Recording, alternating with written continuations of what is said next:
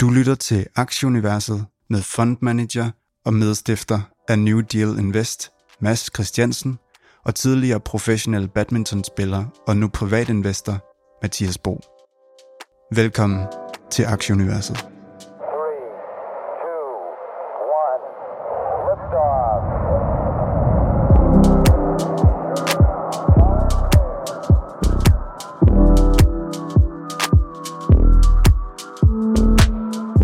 Til 85. 20. udgave af podcasten Aktieuniverset. Det er i dag 14. maj.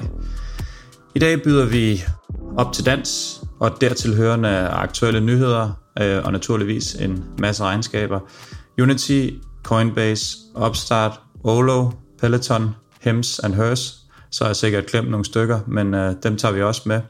Og så får vi øh, besøg af Mark Lund Andersen, seniorøkonom ved øh, Boligøkonomisk Videnscenter til en snak om ja, inflation, renter og generelt boligøkonomi. Godmorgen til dig, Mads. Godmorgen, Mathias. Jeg kan se, der er kaffe i koppen øh, ja. ved dig.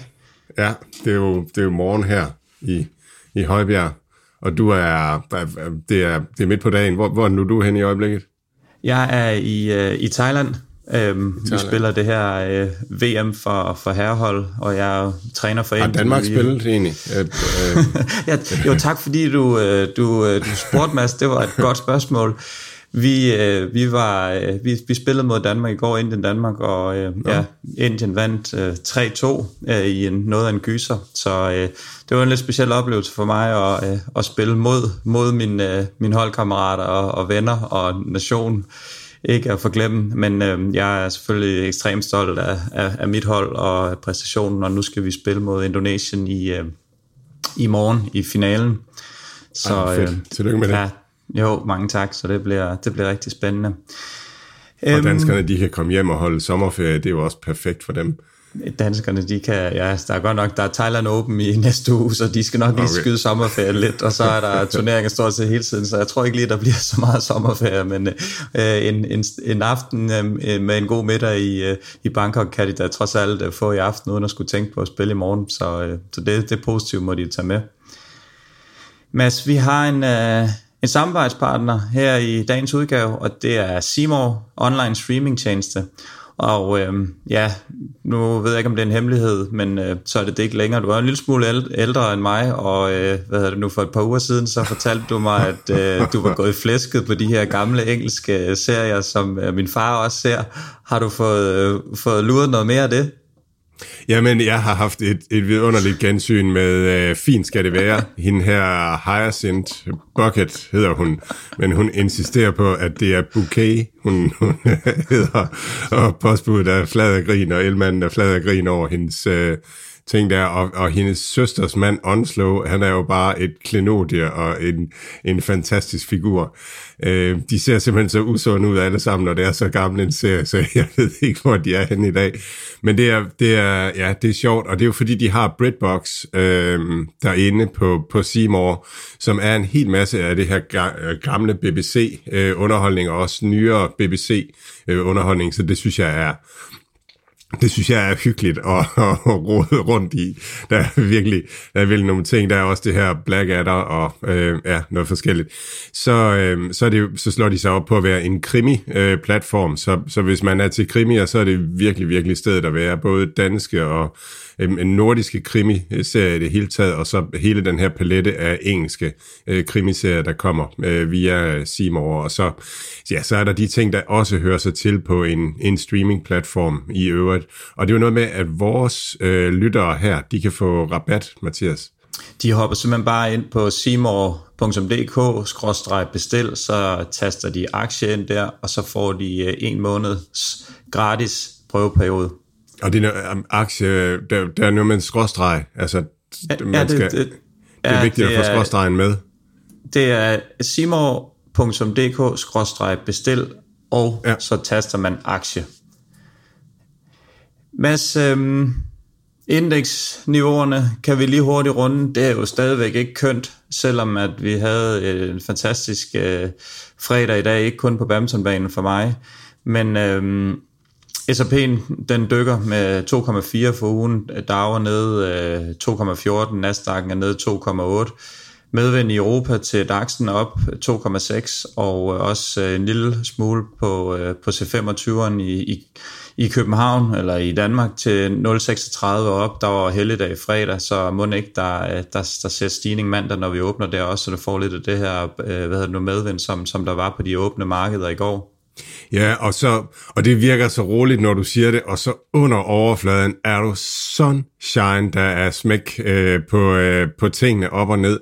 Øh, først på ugen voldsomme fald til, øh, til, til vores aktier, altså til vækstaktierne, øh, som, som simpelthen bare faldt øh, 15 og 20 procent dagligt øh, uden nogen nyheder. Og så her torsdag fredag, den anden vej.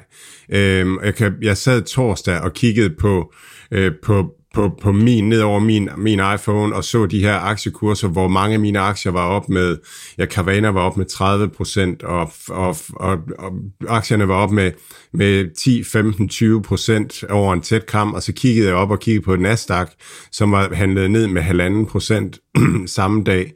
Og det store spørgsmål, det er jo, om det her, det var, var det et udtryk for, at vi simpelthen var for oversolgt øh, i de her øh, øh, tech-aktier, og, og, og vi, vi bare skulle have det her dead cat bounce, hvor, hvor vi springer lidt op igen, og så fortsætter vi ellers nedad, eller om det er begyndelsen på en rotation øh, fra, fra de store øh, virksomheder, store, øh, jeg, jeg så, at jeg tror det var torsdag også, at Apple var nede med en 3-4 procent, øh, samtidig med, at, at de her mindre tech-aktier var meget oppe.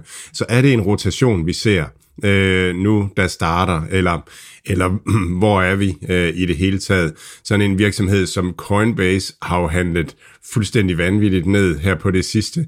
Øh, jeg købte i kurs 120 til børneopsparingerne for, for var det en måned siden, eller tre uger siden, og, og nu er den i nu var den nede at vende i kurs 50 øh, kort tid efter, så og langt over 50 procent ned på, på bare en måned. Øh, på Twitter er der, det er stadigvæk de her øh, de her folk, der er kort, øh, kort vækst og øh, kort digitalisering, som, som dominerer derinde. Altså snart man kommer med et positivt tweet om et eller andet, så får man sådan en, der er sådan en lille B-smiley, den får man ret hurtigt stukket ud tilbage igen. Øh, og, og, øh, og, og jeg har fået chattet nogle af dem op, øhm, og, og så begynder de at snakke om, at, at de her virksomheder har så kæmpestort et cash burn og så videre, og Coinbase er, er, er det, det er lidt svært at se, altså de har mange penge, og de, de snakker på regnskabsmeddelelsen om, at de har penge til eventuelt at, at lave, lave flere opkøb og sådan nogle ting. Så det er sådan divergerende historier, og det er lidt spændende, hvordan det kommer til at spille sig ud. Jeg tror for vækstsegmentet, når når renten vender, så, så kommer der virkelig til at, eller når, når inflationsforventningerne øh, vender i markedet, så kommer der til at ske noget med det segment. Netop det er op og ned. Øh, jeg så en, en, en, en artikel omkring recession, hvor vi er henne i det her, om, om vi skal længere ned eller vi skal længere op, og det, det er der jo mange øh, bud på i øjeblikket. Øhm, den her ekspert går ud og vurderer, hvis det er, hvis vi skal i en recession her, så kan han sagtens se øh, uh, S&P'en ned i, i 3.000, hvor den ligger lige omkring 4.000, og det er vel sådan lidt hurtig hovedregning, en, en 18-20 procent eller sådan noget fra, fra nuværende niveauer. Øhm, så altså, ja, som du siger, overvejende, overvejende negativt der, derude. Øh, kan, kan vækst, er det så, kan small, small tech og mid cap øh, tech, som vi kigger på, er det så bundet ud, eller ryger det med ned? Mit, mit bedste bud er selvfølgelig nok, skal vi en recession, så, så de her cashburn virksomheder, de skal nok også med ned igen. Men, øh, men omvendt, så, øh, så kan det jo også blive for billigt, som vi ser. Jeg har også en historie med lidt senere omkring, at når vi når ned, så lige pludselig, så kommer der, så kommer der nogle sheriffer ud i byen, som lige pludselig tager en kæmpe, kæmpe stor bid af nogle af de her virksomheder. Og det gør jo altså simpelthen bare, at der kommer de her 30-40% øh, stigninger natten over. Så øhm, ja, så det, det er stadigvæk det, som, som markedet går lidt og venter på. Jamen, der er to ting. Øh, den ene ting, det er, det er virksomhedernes drift, hvordan, hvordan den er. Og det er klart, hvis, hvis folks købekraft falder og i en recession, og man køber mindre, jamen så vil, så vil virksomhederne klarer sig øh, alt andet lige lidt dårligere øh, generelt bare. Øh, så kan man diskutere, hvor meget det rammer øh, digitale øh, virksomheder, øh, og hvor meget det rammer øh, mere af virksomheder i den fysiske økonomi, for eksempel øh, råvarer og, og, og sådan nogle ting. Så det, det vil ramme forskelligt. Men, men det, er, det er selv virksomhederne, hvordan recessionen rammer driften af dem. Den anden ting, som, som også er et tema, det er prissætningen af virksomhederne.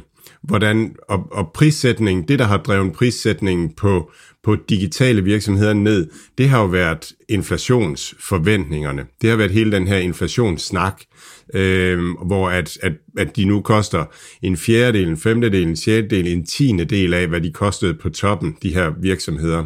Og hvis, hvis en recession får får inflationsforventningerne til at falde, og dermed øh, også øh, giver en anden tema i rentesnakken. Specielt hvis det er, at, at man begynder at aktiemarkedet begynder at se frem mod, at der måske kommer en, en Q, øh, QE-politik øh, fra Fed øh, i 2023, jamen så vil aktiemarkedet begynde at prise det ind.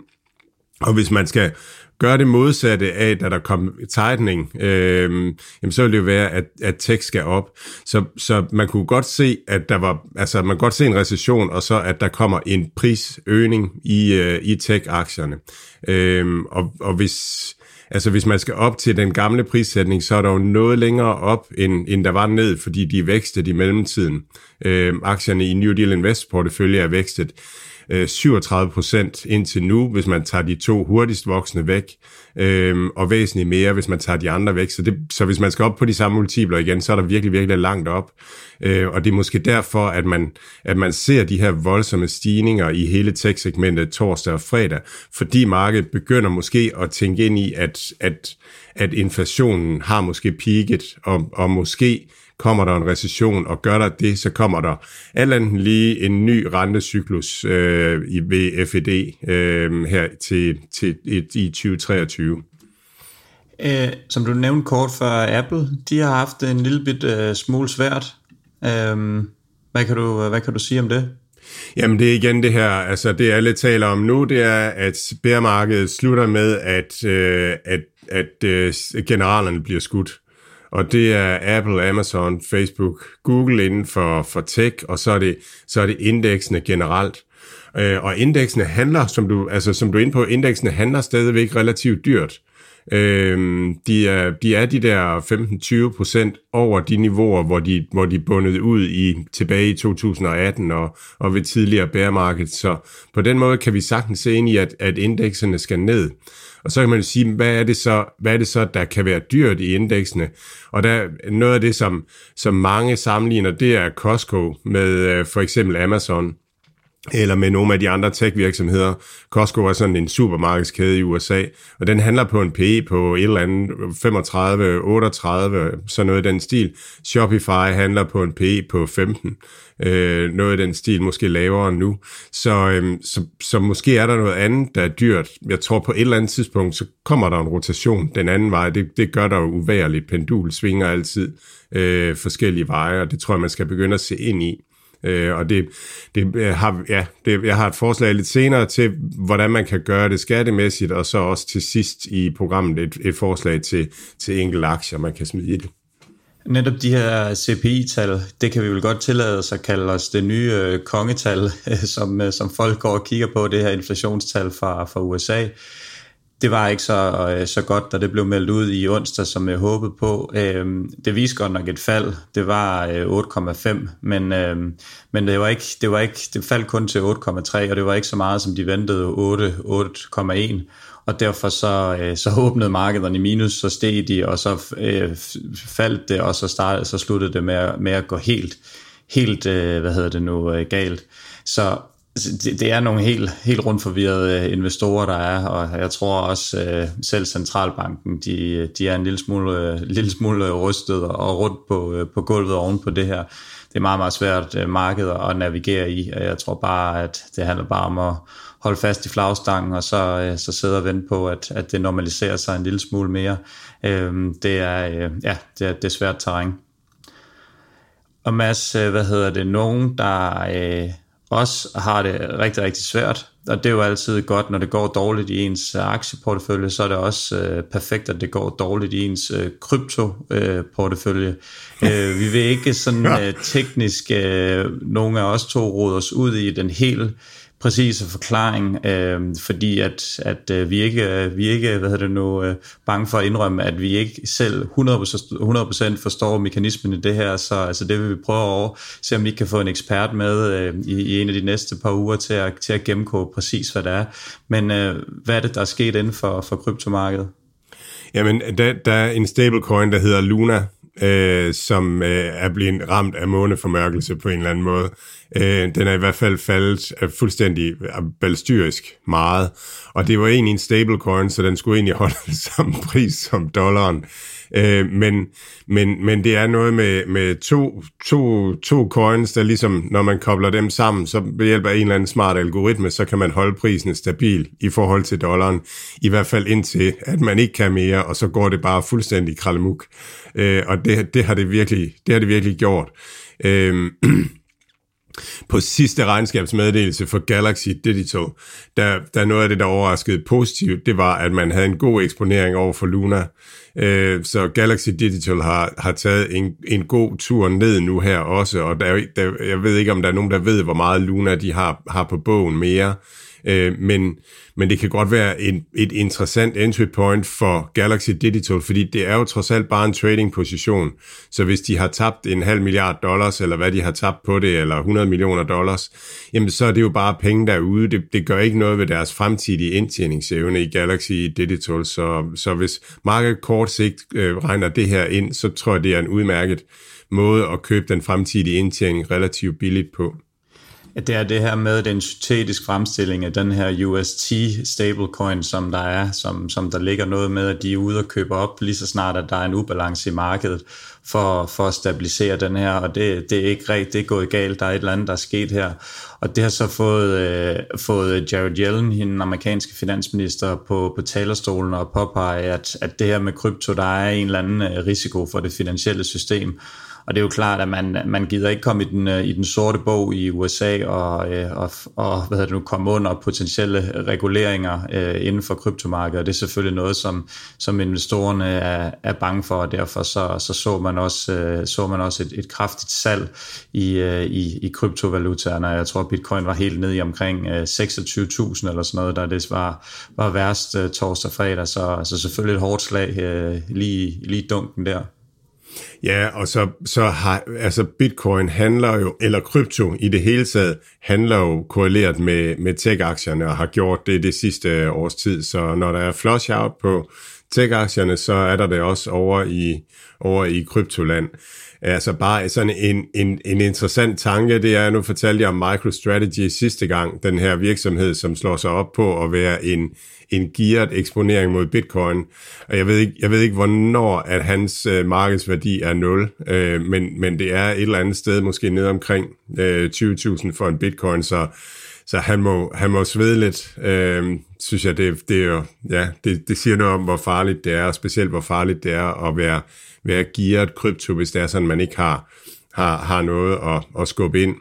Så med hensyn til Luna, der, der, der bliver det meget interessant for Silvergate, øh, den her bank, der specialiserer sig i øh, også i kryptoland, øh, øh, og være forbindelsesled mellem kryptoland og, og fiatland, øh, fordi de har jo købt øh, Facebooks øh, kryptoprojekt øh, om en stablecoin, og, og som jeg forstår det, så skulle det være, altså være rigtigt dollar-backed, altså sådan at, at, at de dollars, som, som der er i det projekt, de skulle så ligge i en bank et eller andet sted.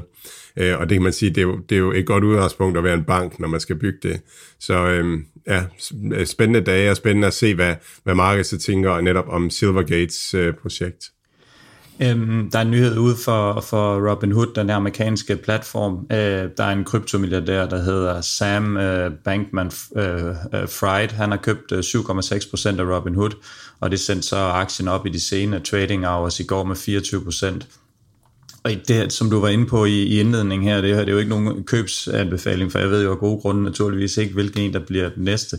Men det, det er et bevis på, at de her mindre tech-aktier, at, at når de kommer så langt ned i pris, så kommer der altså en eller anden kæmpe champ marcherende ind på hovedkontoret, og så tager en stor lunds af det her, øh, fordi at, at det er jo noget af det her risk-value bet, som, som vi taler meget om. Er vi nede, hvor, hvor, hvor man ser den potentielle upside være meget, meget større end, end downsiden, så er der altså nogen, der kommer ud og tager nogle ordentlige, ordentlige bets på, på det her. Og det, det tror jeg ikke er, er sidste gang, øh, vi, øh, vi ser, at, at øh, i hvert fald hvis markedet fortsætter nedad, og, og de her vækstaktier bliver, bliver billige, så tror jeg ikke det sidste gang i, i år, vi har set en, der kommer, øh, der kommer ind og, og tager, en, tager en stor del af, af pomfritterne. Jamen, Robin Hood bliver øh, Robin Hood er super interessant, synes jeg nu øh, i det her prisleje. Det er klart, at aktiviteten er lav. Altså alle alle private investorer og vækstinvestorer er, er bumpet ned. De, de arbejder stenhårdt på at lave en god øh, kryptohandelsplatform også. Det er et af deres primære fokus. Andreessen Horowitz øh, har den, som har en, en god lunds af den også i, i deres øh, portefølje. Og sjov nok så i Coinbase øh, der earnings call, der blev, der blev Coinbase spurgt om, om, om de overvejede at købe, øh, købe Robinhood øh, og lægge et bud på det for ligesom at, at få, få, få en mere bred adgang til at, at levere kryptohandel til, øh, til befolkningen. Og de svarede, at at deres primære fokus, det var at levere kryptohandel. Øh, øhm, så, så de havde ikke nogen interesse i en, øh, i en aktiehandelsbørs, medmindre det kunne forstærke deres øh, kryptohandelsting. Øh, så ja, så, så bare spændende ting, og, og jeg tror, at øh, ja, når, igen, når, når pendul svinger den anden vej, og vækst øh, ligesom bliver ind igen, og markederne går den anden vej, så tror jeg også, krypt, eller Robin Hood bliver, bliver en super spændende aktie at have der, så jeg tror, han har, han har, han har læst på lektien, ham der kommer og køber en stor lunds af det. Der er også lige lidt uh, Intel-nyheder ude, Mads. Kan du ikke lige uh, tage os igennem det? Jo, jo, og, og det er jo virkelig, uh, jo, jo. Intel uh, lancerer noget, de kalder en Gaudi 2 AI-processor uh, til training data. Uh, og det, øh, det, det er meget spændende øh, egentlig, at, øh, at de går ind i, øh, at de prøver at, at, at komme ind i det her øh, øh, med, øh, med, med, med machine learning og, og det her. Det var noget Nvidia øh, tog over øh, tilbage i, i 2011.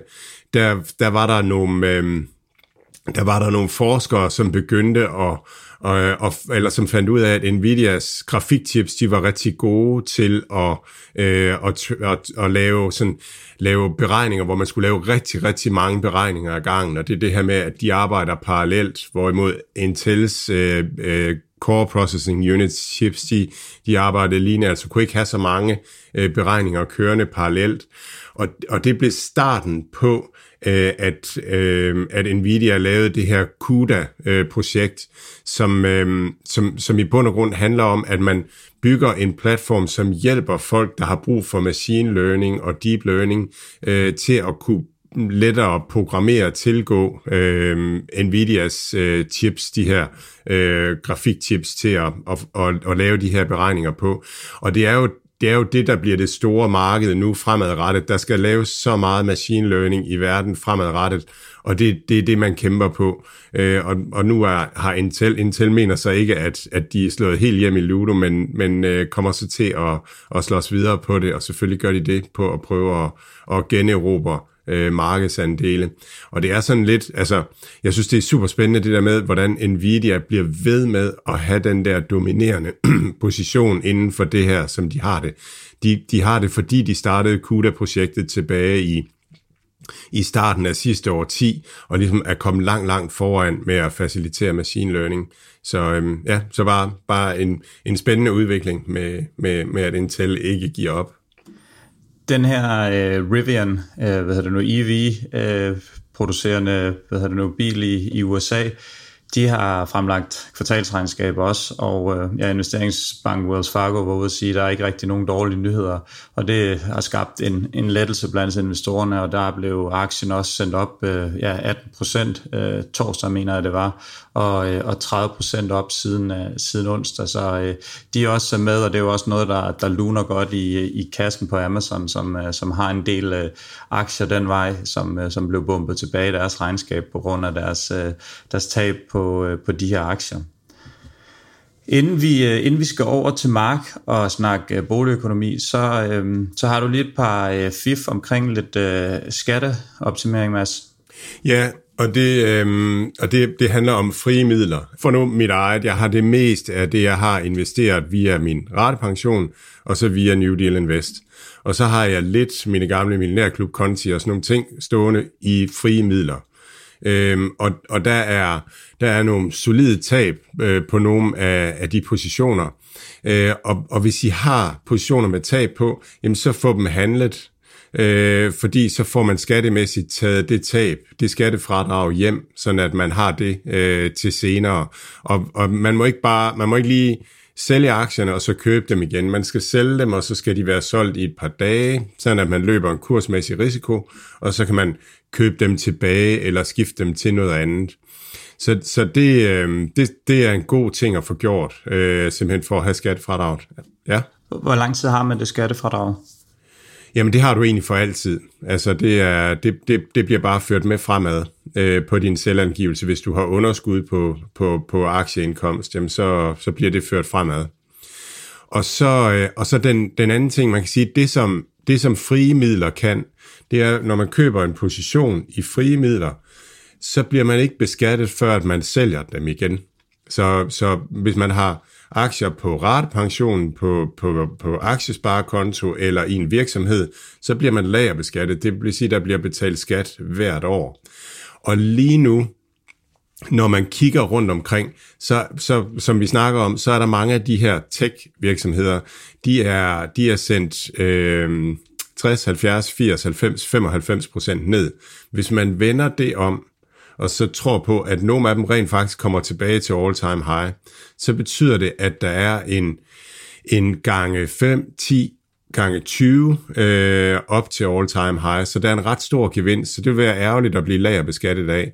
Så jeg tror, at nogle af de her selskaber, der tror jeg, at den bedste skattemæssige måde at gå til dem på, det er at købe en lille bitte position i dem, øh, Øh, og så købe i en, i en del forskellige af dem. Så vil der være nogle af dem, som går i nul, så kan man sælge og få fradrag for det.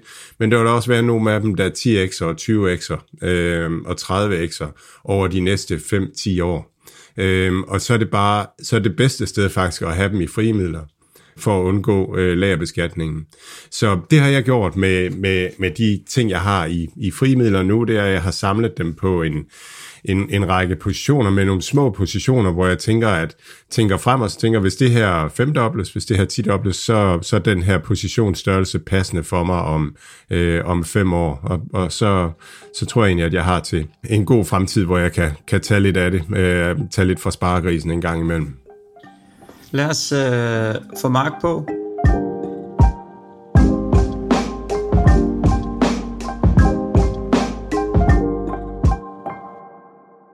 Denne episode er bragt til jer i samarbejde med Seymour. Prøv det fantastiske film- og serieudvalg gratis i en måned ved at bruge koden AKTIE på seymour.dk-bestil. Jamen, øh, velkommen til, Mark. En kæmpe fornøjelse at have dig med. Nu er det også bare lige et år siden, at, at du rakte ud og sagde, at der er simpelthen nogen, der lige skal forklare det der boligmarked, hvordan det i virkeligheden hænger sammen. Så godt at have dig med. Tak. Og du er, du er til daglig, øh, bare lige to om at du er på CBS og underviser der i, i det her fag her. Det er korrekt. Jeg er, jeg er to, min fuldtidsstilling er, at jeg er seniorøkonom i Boligøkonomisk Videnscenter. Og så har jeg så samtidig også en øh, stilling som ekstern lektor på CBS, hvor at jeg er ansvarlig for at tilrettelægge og underviser i det fag, som hedder boligøkonomi og finansiering. Og det er et helt nyt fag, som bare blev vildt populært efter, at, at du kom på, Mark. Er det, er det, er, var, var det bare din fremlægning, eller var det... altså i virkeligheden så er det jo det, det er et fag, som faktisk har kørt ganske lang tid, men i 2015 bliver det taget af, da den forhenværende underviser, han gik på pension, Jens Lunde gik på pension ganske enkelt. Og så er det ligget stille, indtil jeg i 2020 rakte ud til CBS og øh, sagde, om vi ikke skulle prøve at få genoprettet det her fag, og det, det, har, det, det har vi så fået gjort, og det er for ret mange tilmeldinger, kan, kan jeg godt til at sige. Fedt. Mark, vi skal, du skal gøre os klogere på det her, som, som, som du har lovet. Og, og, og sådan, jeg, ser, jeg ser det der, der er inflation derude. Øh, det skulle egentlig få boligpriserne til at stige, men det kræver, at lønnen stiger. Så er der udsigt til rentestigninger. Det gør, at vi ikke kan betale så meget for boligerne. Så kan der komme en recession, og der er også øh, ja, faldende købekraft hos forbrugerne. Og sådan. Der er så mange kortsigtede ting, øh, som, som optager debatten og sådan noget, og, og de var jo i virkeligheden kun et-to år gangen. Så lad os lige prøve at tage den lange bane, og så også se bort fra, fra politiske beslutninger, og så bare sådan, hvad, hvad er helt hardcore, hvad afgør prisudviklingen på boligmarkedet på den lange bane? Ja, hvis vi skal prøve at tage det helt lange sigt på, så, så skal vi også samtidig hvis vi sådan skal have nogle af de rene faktorer på, som, som ligesom påvirker boligpriserne, så skal vi nok starte med at ignorere de her kortsigtede udsving, som du også omtaler. Øhm, vi skal måske også prøve at, at ignorere nogle af de her lokale forhold internt i de enkelte lande, fordi som de fleste nok også ved, så er der også stor forskel på prisudviklingen inden for det enkelte land. Så hvis vi skal prøve at kigge på, hvad der sådan er med til at bestemme prisniveauet for boliger på det lange sigt, jamen så er det den reelle udvikling i de disponible indkomster. Altså hvad har vi af kroner og øre mellem hænderne? Så er det også det her renteniveau, fordi vi har set med tiden, at, at der simpelthen er nogle skift i selve niveauet. Så nu ser vi også nogle store ændringer på helt, på, på helt kort sigt, men, men øh, over tiden så har vi også set, at niveauet har altså ændret sig ganske betydeligt i, i forskellige perioder. Derudover så er, så er det sådan noget som befolkningstallet, altså hvordan udvikler befolkningen sig, hvor, hvor mange flere bliver det, der skal have en bolig, og hvor meget Altså udbud og efterspørgsel simpelthen? Ja, simpelthen. Så det er, det er, øh, det er et spørgsmål om udbud og efterspørgsel. Og man kan sige, at de fleste, de, de kan godt sætte sig ind i, hvad det er for nogle det er rimelig nemt at forholde sig til, hvad for nogle ting, der driver efterspørgselen. Altså det er klart, hvis renterne bliver lavere, det bliver billigere at låne, og hvis vi tjener flere penge, så kan de fleste godt se, så må det alt andet lige gøre, at vi ligesom kan købe mere bolig. Øhm, det der ligesom er, det der ofte er lidt sværere at forholde sig til, hvis man ikke arbejder med det her til daglig, det, det er i virkeligheden udbudssiden, som i virkeligheden er lige så vigtig. Og øhm, for det er, jo, det er jo udbuddet, der ligesom skal imødekomme den efterspørgsel, der er. Og udbuddet, det består jo af til dels den eksisterende boligmasse, som, som er, men også det nybyggeri, vi kan tilføre. Altså, i hvilken grad kan vi tilpasse øh, vores boligmasse til den efterspørgsel, som der nu er i et enkelte land eller et enkelte lokalområde.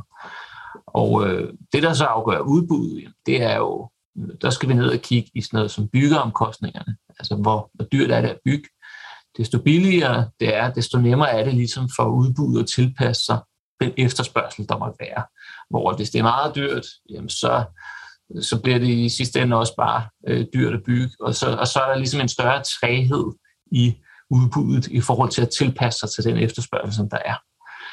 Og det er også derfor, at, øh, at som jeg sagde, hvis vi skal starte med ligesom at ignorere øh, de her lokale forhold, men, men øh, vi kan også kun ignorere det til en vis grad, fordi så er vi også nødt til at tale om, at, øh, at det, det, der er blevet en udfordring i mange store byer, det er jo, at vi har set en urbanisering igennem de sidste årtier. Hvis vi flytter mod øh, byerne, det er jo den her effektivisering af, af landbrug, produktion, industri, som ligesom er med til at reducere antallet af arbejdspladser, og at vi så samtidig ser flere arbejdspladser, som ofte centreres i og omkring de store byer. Og det har så været med til at skabe det her pres ind mod de store byer.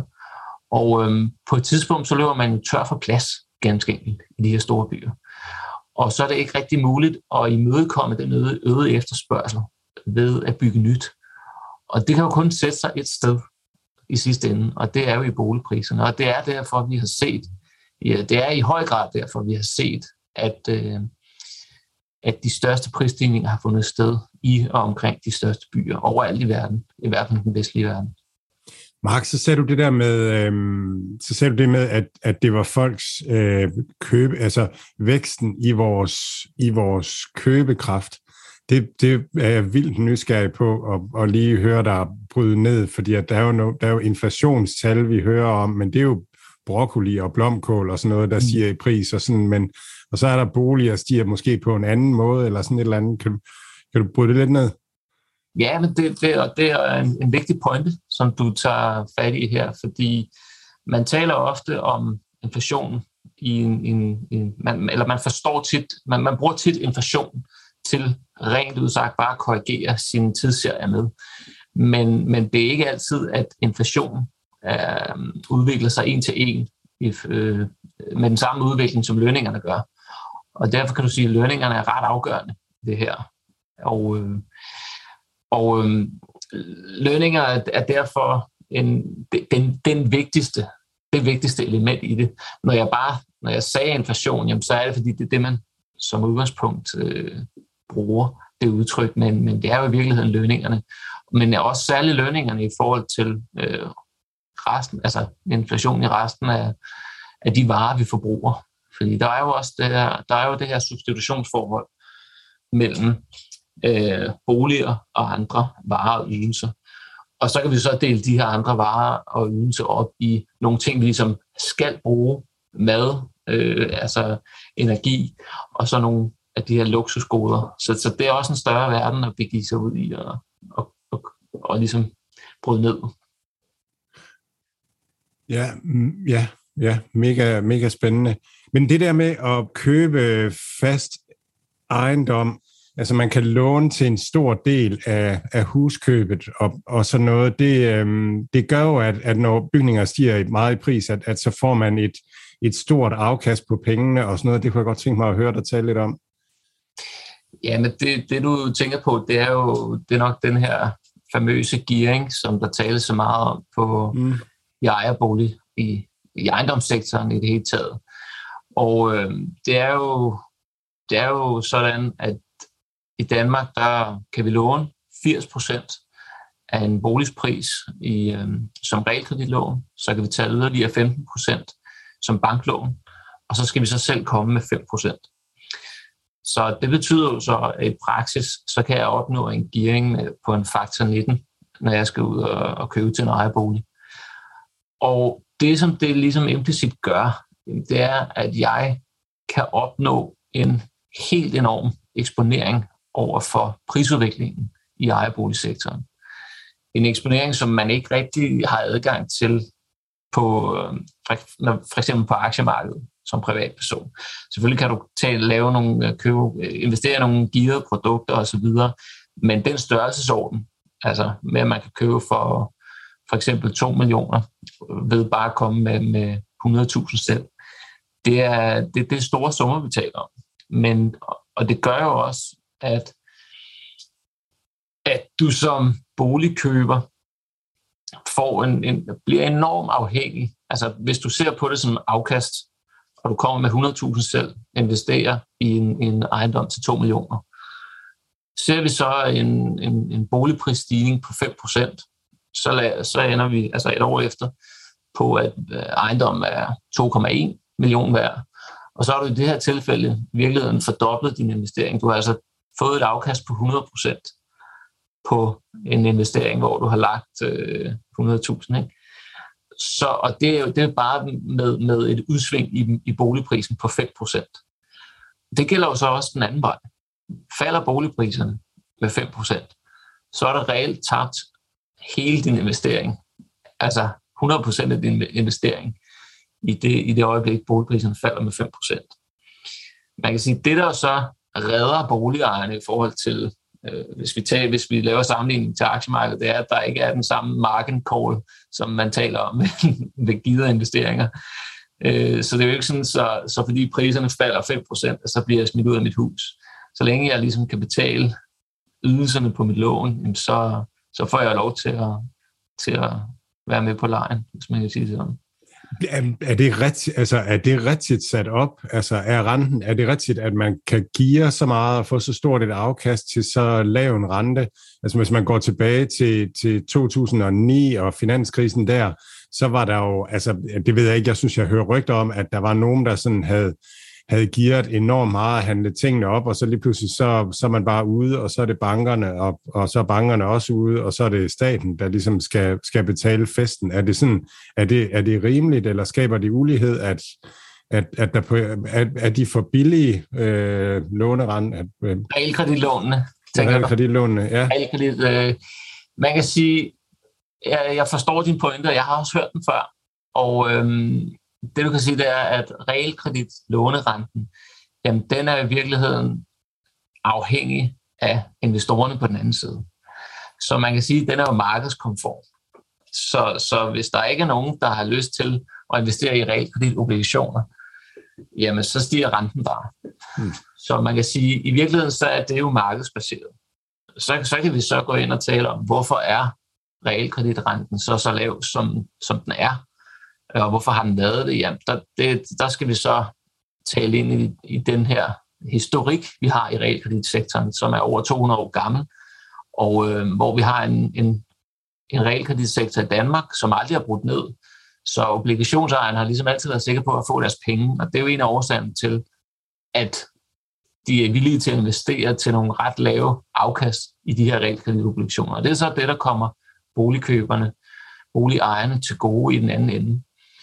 Øhm, I forhold til det, som, som du talte ind i med, med udvikling i, i 2009, så tror jeg, at det du, det du tænker på, det er de variabelforrentede lån, hvor vi så et, øh, et scenarie på, det, det var en kort, kort periode, skal så siges, men, men da finanskrisen virkelig rasede og var på sit aller værste, jamen der forsvandt, der så vi lidt af det samme, som vi så, da corona indtraf. Altså, alle penge blev ligesom taget af markedet. Altså, øh, alle chatonger blev ligesom taget af bordet. Ikke? Og øh, det var lidt det samme, vi så dengang. Og problemet er jo, eller pro, sagen var jo den, at med et variabelforrentet lån, der er det sådan, at renten jo justeres en gang øh, hver 1 til 10 år, alt afhængig af, om du har en F1'er eller F10 det er jo, den justeres.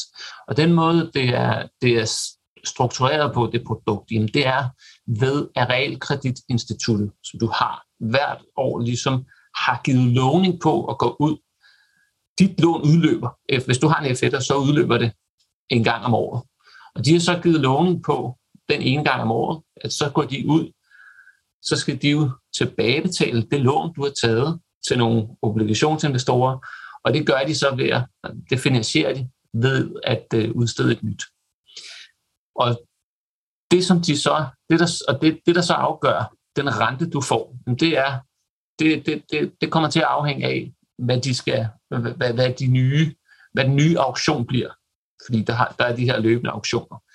Og det, der skete i en kort periode der i, øh, i omkring finanskrisen, det var, at lige pludselig var der ikke nogen til at aftage de her øh, realkreditobligationer. Og hvad gjorde man så? Så var det, at man fra forskellige instanser side måtte, ja, man, man gik ind og øh, opkøbte en masse af dem her. Og øh, det, det talte man en del om dengang. Det er efterhånden så mange år siden, så der tales ikke så meget om det mere. Men, men der er nok blevet, det, det, det er nok derfra, du har hørt den her med, at at, at det er i orden, fordi at der var, altså, der, der, der er ikke nogen tvivl om, der var en, en hjælpende hånd, som ikke var markedsbaseret i mm. en kort periode der. Og, øh, og den var med til at holde hånden under, øh, hvad skal man sige, dem, som havde realkreditlån, og sikre, at de her realforrentede lån ikke stak fuldstændig af i en, i en kort periode. Og man kan se det, at der, der er lavet nogle ganske udmærkede publikationer, hvor man også kan se udviklingen i balancen øh, hos øh, Nationalbanken og, og andre institutioner, som er med øh, til at hjælpe med det her, hvor man ligesom kan se, hvordan den steg og så faldt kort, kort øh, i takt med, at der blev sta- sket en stabilisering. Ikke? Så realkreditmarkedet er kun brugt sammen én gang? Ja, men det, det, det jamen, øh, obligationsinvestorerne, de fik jo deres penge, og, og så videre. Så, så det brød jo ikke sammen. Altså, men, og man, ja. men hvordan det var gået, hvis ikke der havde været den her hjælpende hånd, og, og hvilke renter øh, de havde endt ud med dem, som havde haft de her, havde de her F1-lån, ja, det, det kan vi kun gætte og gisne om. Det, jeg sidder bare sur til mig, Mark, og det er jeg egentlig lidt træt af nu, at jeg skal til at stille dig nogle spørgsmål også, fordi så går min koncentration lidt med det. Øh, det er jo mega spændende og komplekst det her, og for at det ikke er komplekst nok, det du snakker om her, så er jo selvfølgelig også øh, politik indblandet i boligmarkedet, øhm, og, øh, og det har endda en ret stor betydning for, for boligmarkedet. Kan du ikke prøve at, at tale lidt om det? Øhm, jeg synes både, vi kan tage den både på kort og lang sigt, så øh, du får simpelthen lov selv at, at vælge, hvor du vil starte, om, om du vil have politik på kort sigt eller politik på lang sigt først. Jeg, jeg tror, det er bedst at, at, at prøve at starte med at have nogle lidt langsigtede briller på.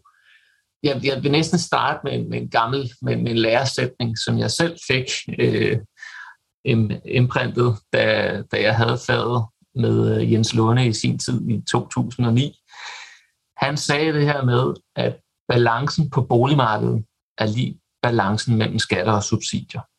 Og med det mener han, eller mente han, at det, der ligesom afgør de forskellige delmarkeder og deres øh, størrelse på boligmarkedet, det er fuldstændig afhængigt af, hvilke skatter og subsidier vi har. Og bare lige for at forklare, hvad jeg mener med delmarkedet her, så taler vi i Danmark om, at vi har fire store delmarkeder. Vi har ejerboligsektoren, så har vi andelsboligsektoren, så har vi den private udlejningssektor, og vi har den almindelige sektor. Det er ligesom de fire sektorer, som hvis man prøver at poppe det lidt op, kan sige, det, det er ligesom der, alle husholdninger bor. De bor i en af de her fire delmarkeder. Og det man så kan sige, det er, at man kan fra politisk side vælge at sige, at vi vil rigtig gerne have rigtig mange almennyttige boliger, eller ejerboliger, eller andelsboliger. Og det kan vi se, når vi kigger rundt om i verden, så ser alle boligmarkeder meget forskellige ud. Ejerboligsektoren er typisk den dominerende sektor, og øh, dækker typisk omkring 40-90 procent af alle husholdninger. I Danmark er det lige omkring halvdelen af alle husholdninger, der bor i, i deres egen øh, ejerbolig. Men det er klart, fra politisk hold, så kan man godt, alt afhængig af, hvad for, et, øh, hvad for en politisk ideologi, der er i det enkelte land, så kan man godt styre sig imod, at der skal være en enorm stor almindelig sektor eller øh, ejerboligsektor. Og det kan man meget let, hvis man vil det. Hvis man har viljen til det, så er det ikke så svært at styre. Man kan bare gøre det enormt dyrt. Man kan altid bare lægge enormt høje skatter på, den ene af de her del, på en af de her delmarkeder. Det er også derfor, jeg har sagt i forbindelse med, der har været en helt del snak, det kommer vi nok tilbage til senere, kunne jeg forestille mig, men, men der har været en, en del snak omkring den her udvikling, vi har set under pandemien i forhold til, skulle man lave indgreb, eller skulle man ikke lave indgreb. Og der har jeg også sagt det her med, at øh, det er ikke svært ligesom at få kølet en sektor ned, for eksempel ejerboligsektoren, hvis det er det, vi vil. Altså, vi kan sagtens lave alle mulige tiltag, hvis, hvis det er det, vi vil. Men vi skal ligesom gøre det på et øh, fornuftigt grundlag. Men ja, jeg, jeg, jeg forestiller mig, at det er noget, vi kommer tilbage til senere. Men det er bare for at sige, at når det kommer til den politiske betydning for boligmarkedet, så er den øh, virkelig, virkelig dominerende. Vi har mange instrumenter, og det gælder både ejerboligsektoren, hvor vi kan justere på, hvor, hvor, hvor meget må du låne. I dag kan vi låne op til 95 procent den kan man hurtigt justere ned eller op, hvis man gerne vil gøre det mere eller mindre fordelagtigt, eller mere, mere eller mindre nemt at være boligejer. Så har vi øh, de øvrige sektorer, hvor vi har sådan noget som huslejeregulering, og øh, så videre, så videre, som, som vi kunne tale om. Må jeg, må jeg lige prøve at høre det her med, at når man sådan kigger på rundt i Europa, øh, jeg, jeg gør mig lidt i boliger sådan, øh, og, og, og interesserer mig meget for, for det så, så Danmark er et af de få lande, hvor det øh, kun er danskere, der kan købe, i hvert fald sådan privat. Øh, jeg skal ikke kunne sige, om der er nogle selskabsstrukturer, som gør et eller andet. Det der, det der nok sat noget op, men i hvert fald kan en tysker ikke uh, tage toget direkte fra Harzen og så ind på, på Amagerbrogade og finde den nærmeste maler og så købe en, en lille toværelses. Hvorfor er det, man har valgt den model i Danmark? Hvorfor man har valgt den, det skal jeg ikke kunne svare på umiddelbart. Men det har været sådan i evigheder her i Danmark. Men det er korrekt, det er, det er også noget, jeg, når jeg fortæller det til nogle af vores øh, kollegaer og samarbejdspartnere i udlandet, så bliver de noget overrasket over, at det, det er sådan, at man ikke bare kan uden videre købe i Danmark, som man har lyst til. Ja, det er egentlig virkelig sjovt. Jeg kom til at tænke på en anden ting. Du siger det der med, at der, der er forskel på, altså sådan en politisk forskel. Hvis nu ser på Danmark, der selv der var 50 procent øh, øh, ejerboliger. Er det, kan, du, kan du sammenligne med et, et andet land, Tyskland eller USA, måske et eller andet, der sådan øh, resonerer med os, og som har en anden politisk incitamentstruktur, som gør, at boligmarkedet øh, fungerer anderledes? Altså man kan sige, Tyskland, hvis vi starter med den, de har en endnu lavere ejerboligandel. Det er nogle af dem, der har den allerlaveste ejerboligandel. Den er ikke meget højere end 40 procent. De har et enormt stort privat udlejningsmarked til gengæld. Og, øh, men de har også en masse systemer øh, til det. Det er jo tysk. Så, så, ja. det, så har vi, øh, hvis vi skal blive i det nordlige, så har vi øh, et land som Norge, hvor vi har en enorm høj ejerboligandel, som er omkring 80 procent, mener jeg, den er. Så der kan du næsten ikke bo i andet. Så her på kort sigt, der kommer så en skattereform, som træder i kraft her i 1. januar 2024. Øh, hvad, hvad, hvad skal vi så, øh, hvad, hvad kommer der til at ske? Ja, det er, det er ganske historisk, det der kommer til at ske, kan man sige. Jeg er ikke, nu er jeg jo så påvirket af at sidde så, så, så tæt på ting, hvis man kan sige det sådan, så jeg, jeg er lidt i tvivl om, hvor, hvor meget man taler om det ude i, ude i samfundet for at sige livet. Men dem, jeg har talt med, der, der er det mit generelle indtryk desværre, at der ikke er så mange, der, der helt har fanget, hvad den går ud på. Men det, der er, er ved det helt øh, grundlæggende, det er, at vi har haft et skattestop, som betød, at vi ligesom fastlåste ejendomsværdiskatten til et 2002-niveau, eller 2001 plus 5 procent. Den ejendomsværdiskat, vi betaler, det er er gamle vurderinger den dag i dag. Og så, så er der så grundskylden, der har, der er det fungeret på en lidt anden måde. Vi betaler jo to væsentlige skatter på ejerboliger. Vi betaler ejendomsværdiskat, og så betaler vi grundskyld. Grundskylden har godt kunne stige, og den har steget for mange, men der har stadigvæk været lagt sådan en grænse på, hvor meget den har kunne stige. Så overordnet set, så har vi haft det her skattestop, som man nu vil gøre op med.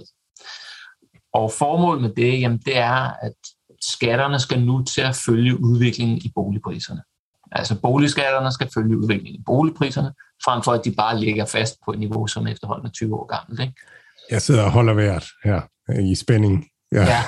Det, her, og det, det, det, det der så øh, først var planen jo, at den her boligskattereform den skulle træde i kraft 1. januar 2021. Men forskellige problemer har gjort, at man har udskudt det og valgt, at den i stedet for skal træde i kraft 1. januar 2024. Det er klart, som jeg også nævnte tidligere, så betyder politik jo enormt meget for boligmarkedet.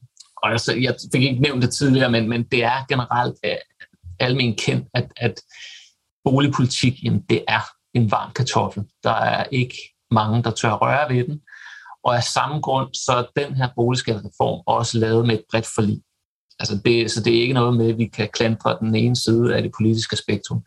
Alle er godt klar over, at, at man er ligesom nødt til at lave et bredt forlig, fordi ellers så, ved du, så har du i hvert fald opskriften på at tage et valg. Ikke? Så, øh, så, så, så, så, men, men det man så har sagt, er ikke nogen, der har interesse i at ruinere økonomien for halvdelen af landets øh, husholdninger.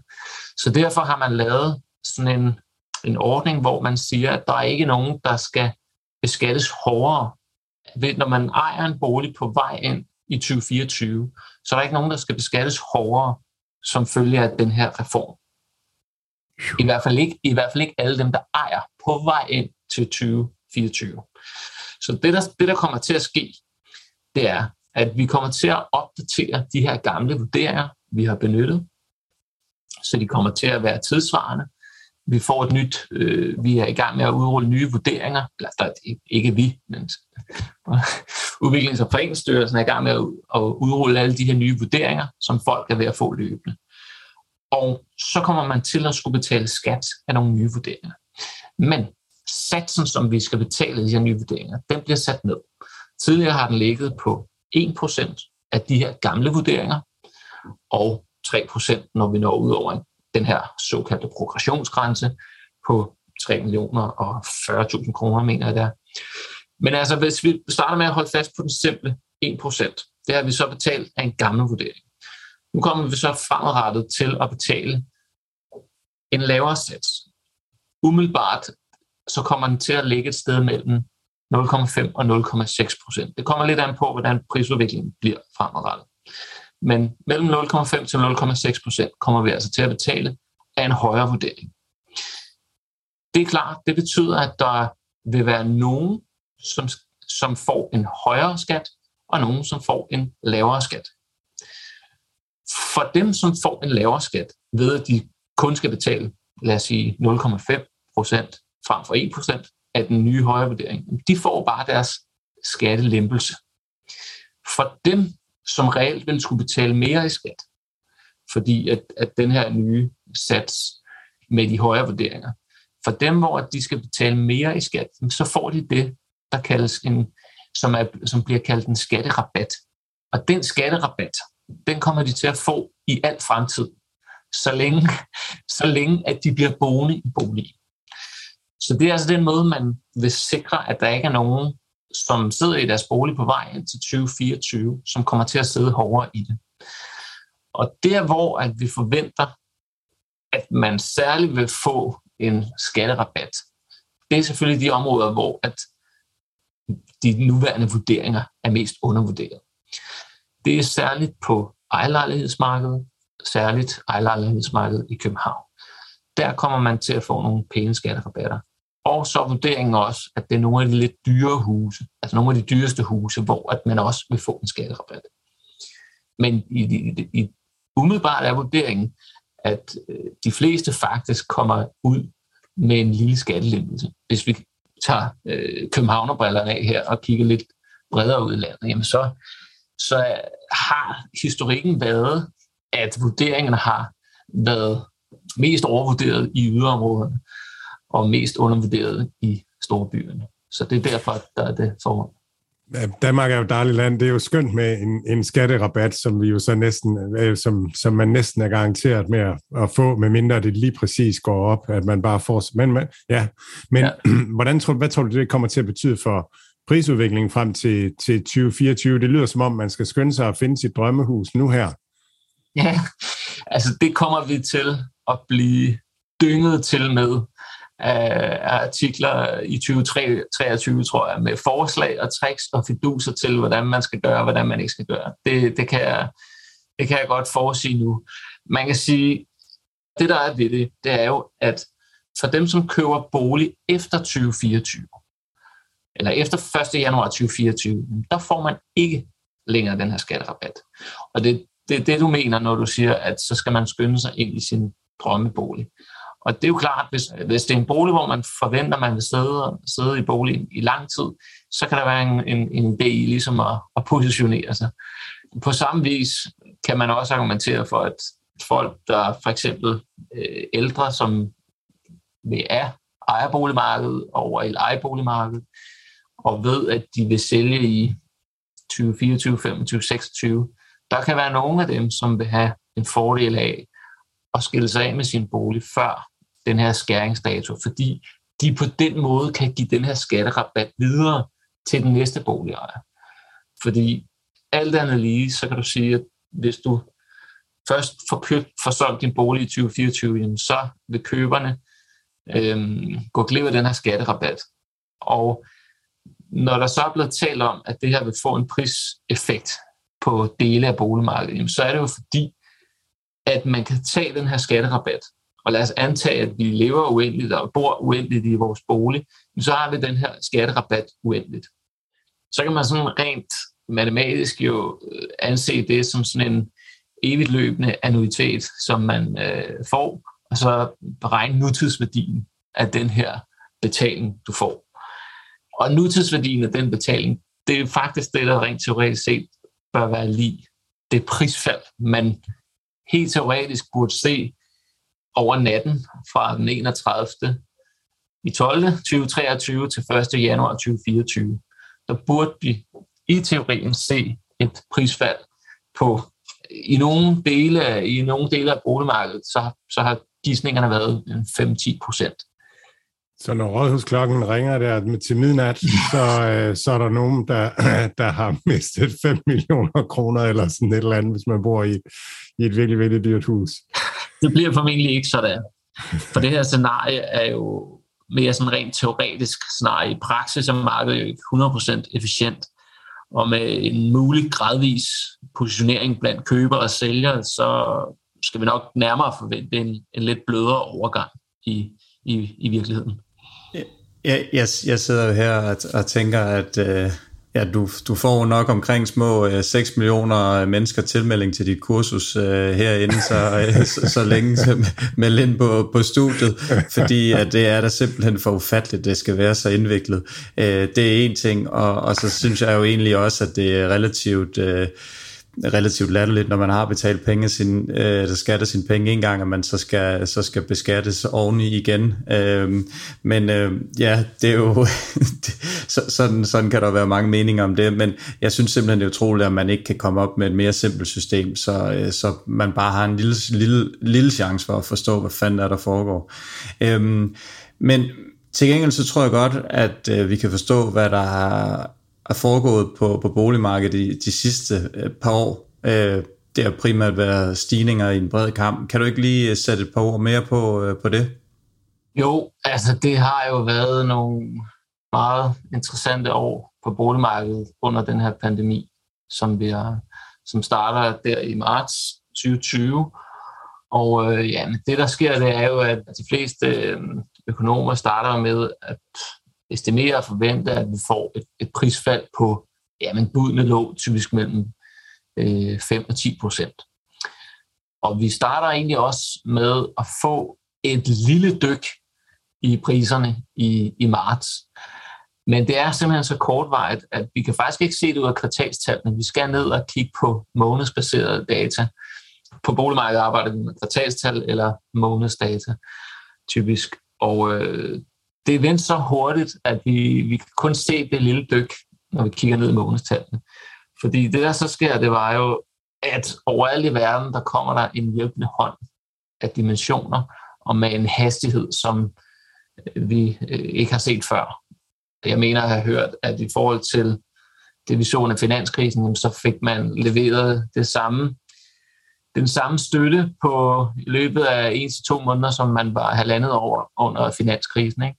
Så, så den her støttende hånd, den kom så kraftigt og så hurtigt, at øh, ja, det var der nok ikke mange, der havde forudset. Og derfor så var forventningen i starten, ja, at vi nok ville se nogle prisfald, men det vendte så hurtigt, og det, der så skete, skete, det var jo, at langt de fleste jo beholdt deres job, beholdt deres indkomstgrundlag, men det gjorde man jo i en tid, hvor man reelt set ikke længere havde ret mange forbrugsmuligheder, udover noget internetshopping, og så bolig.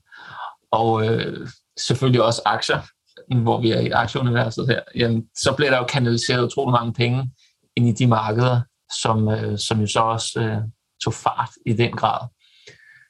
Det, som der så blev debatten, det var, om vi øh, havde at gøre med en, en, en boble ligefrem, eller om vi havde at gøre med et boligmarked, hvor, hvor de her boligprisstigninger var drevet af nogle midlertidige effekter.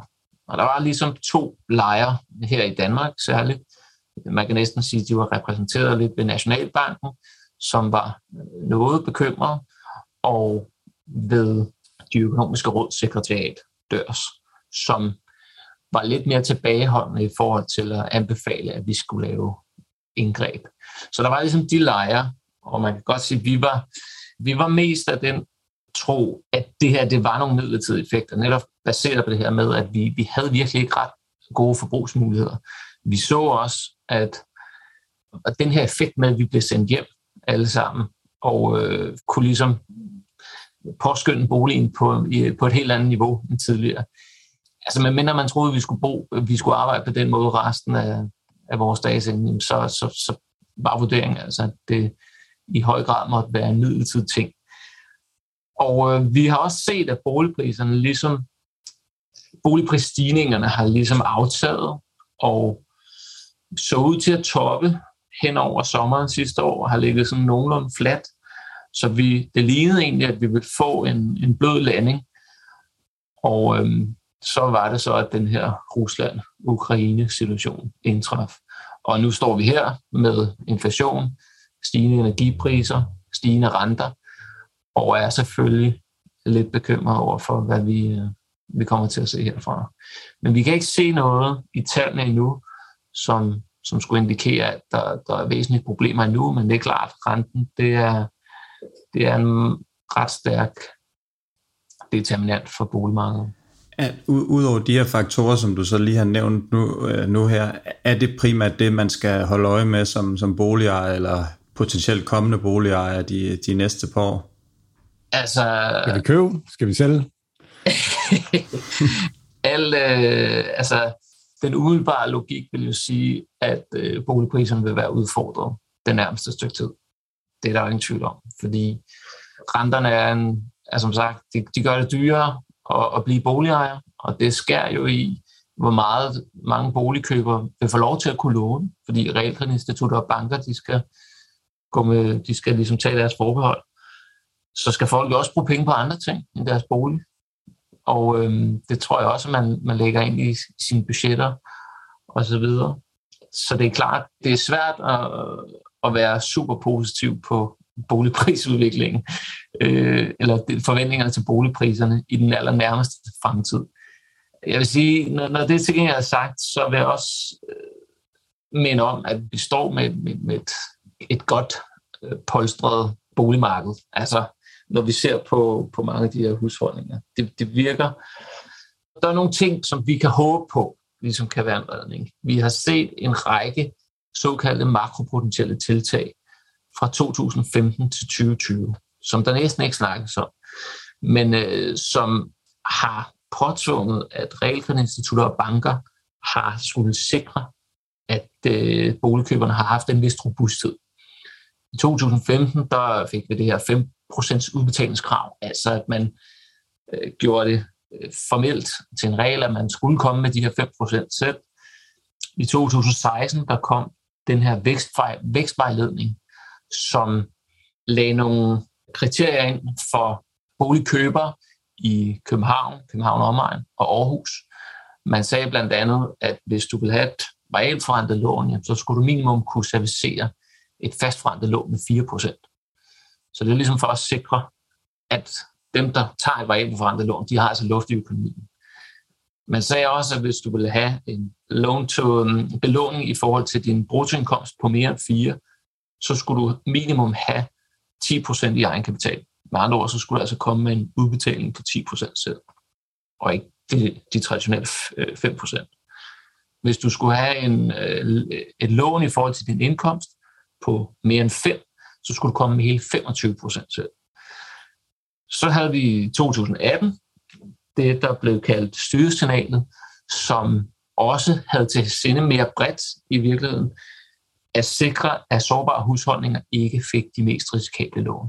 Så man har faktisk gjort en del forud for, for de år, vi ser nu, for at sikre, at boligejerne ikke var helt så sårbare, som, som det kunne have været tilfældet.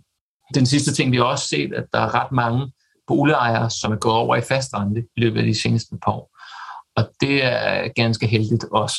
Hvis, øh, hvis vi ser på udlånsmassen, og går tilbage til slutningen af 14, jamen, så var omkring to tredjedel af alle lån, altså af, af den udstående realkreditlån, jamen det var variabelforrentet lån.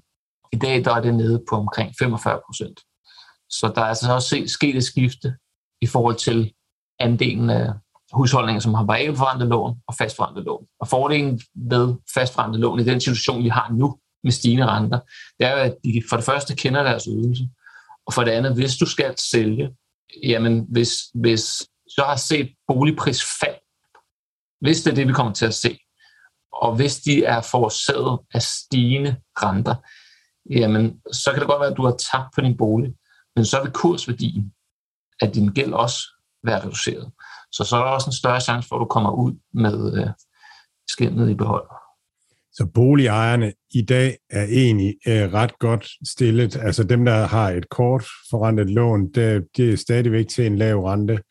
Og dem, der har et, et langt lån, de har faktisk en, en betragtelig øh, øh, kursgevinst, øh, når de er ude at handle. Så på den måde, så, så dem, der er i hus, de er egentlig okay stillet.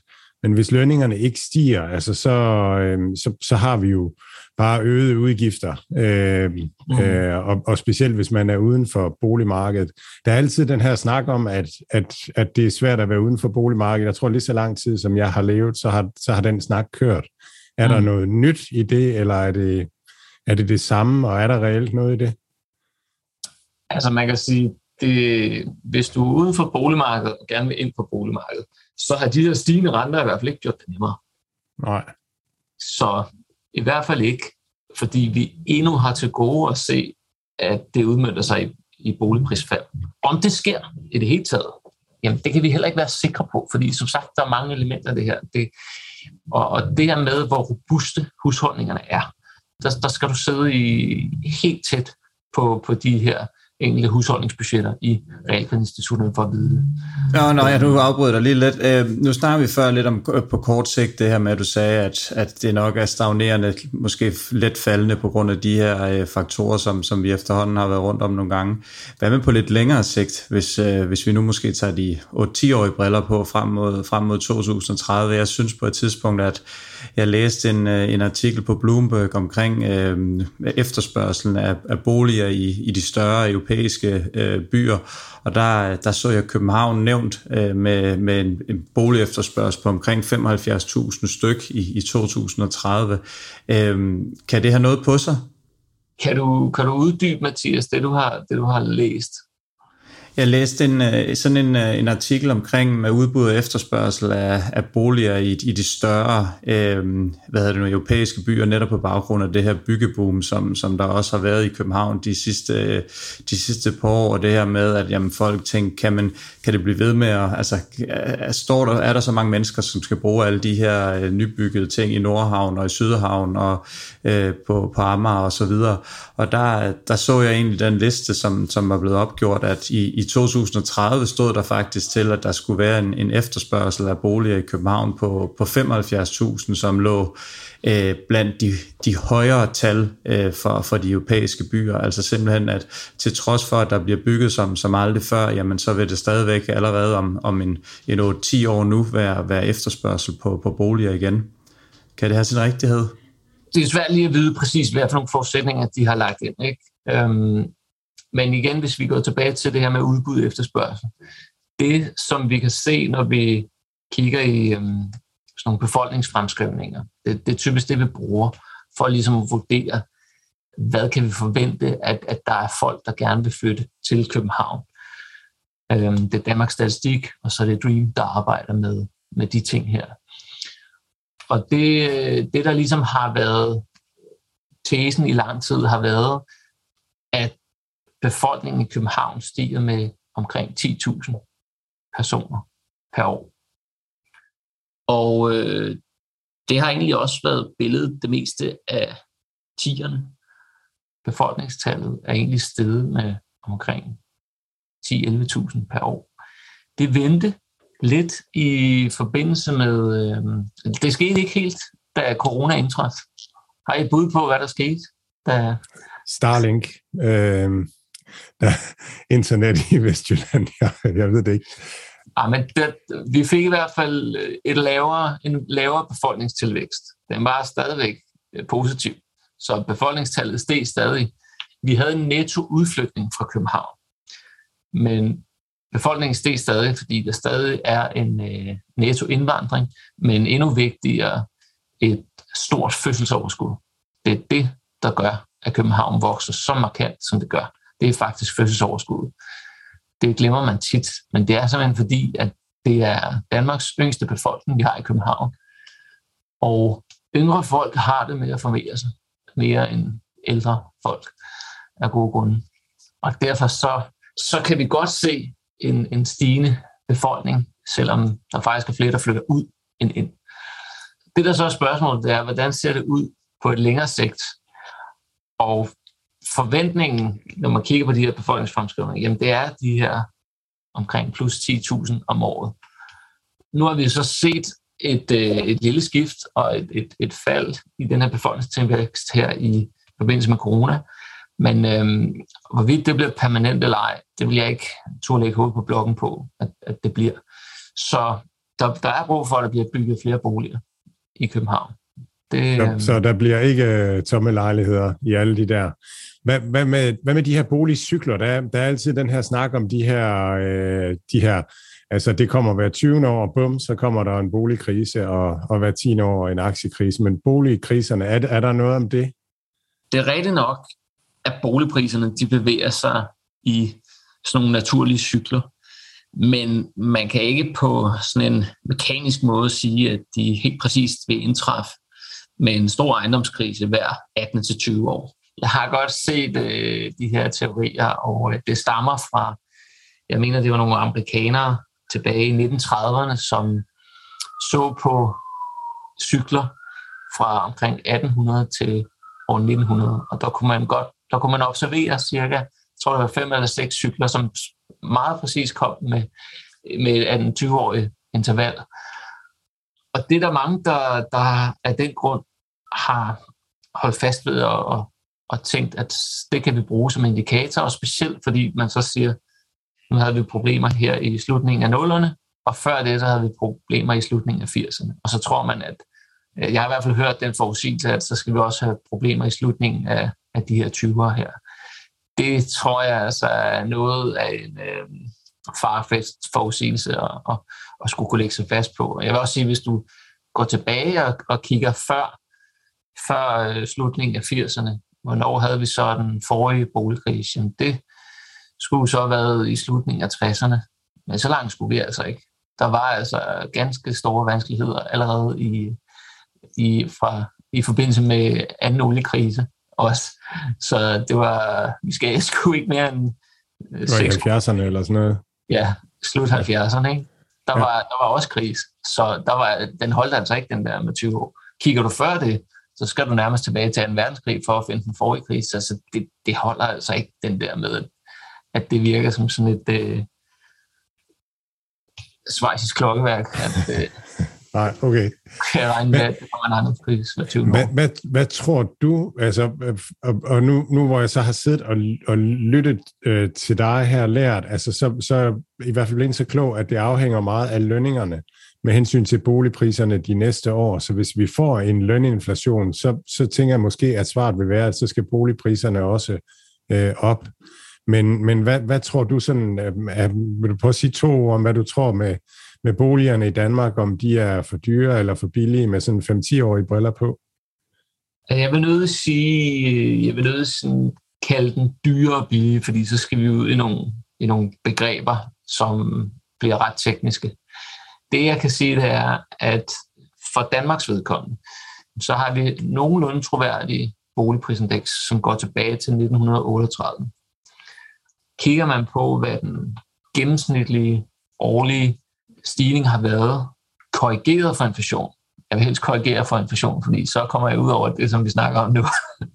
Men korrigeret for inflation, så har det på landsbasis givet et, et afkast på omkring 2% reelt. Altså det vil sige inflationen plus 2%. Det skal så med, at der har vi jo også den her helt ekstraordinære periode fra starten af 90'erne, til øh, midten af nullerne, hvor vi så nogle helt ekstraordinære stigninger. Så så vi et fald, og har så siden da set nogle store stigninger igen.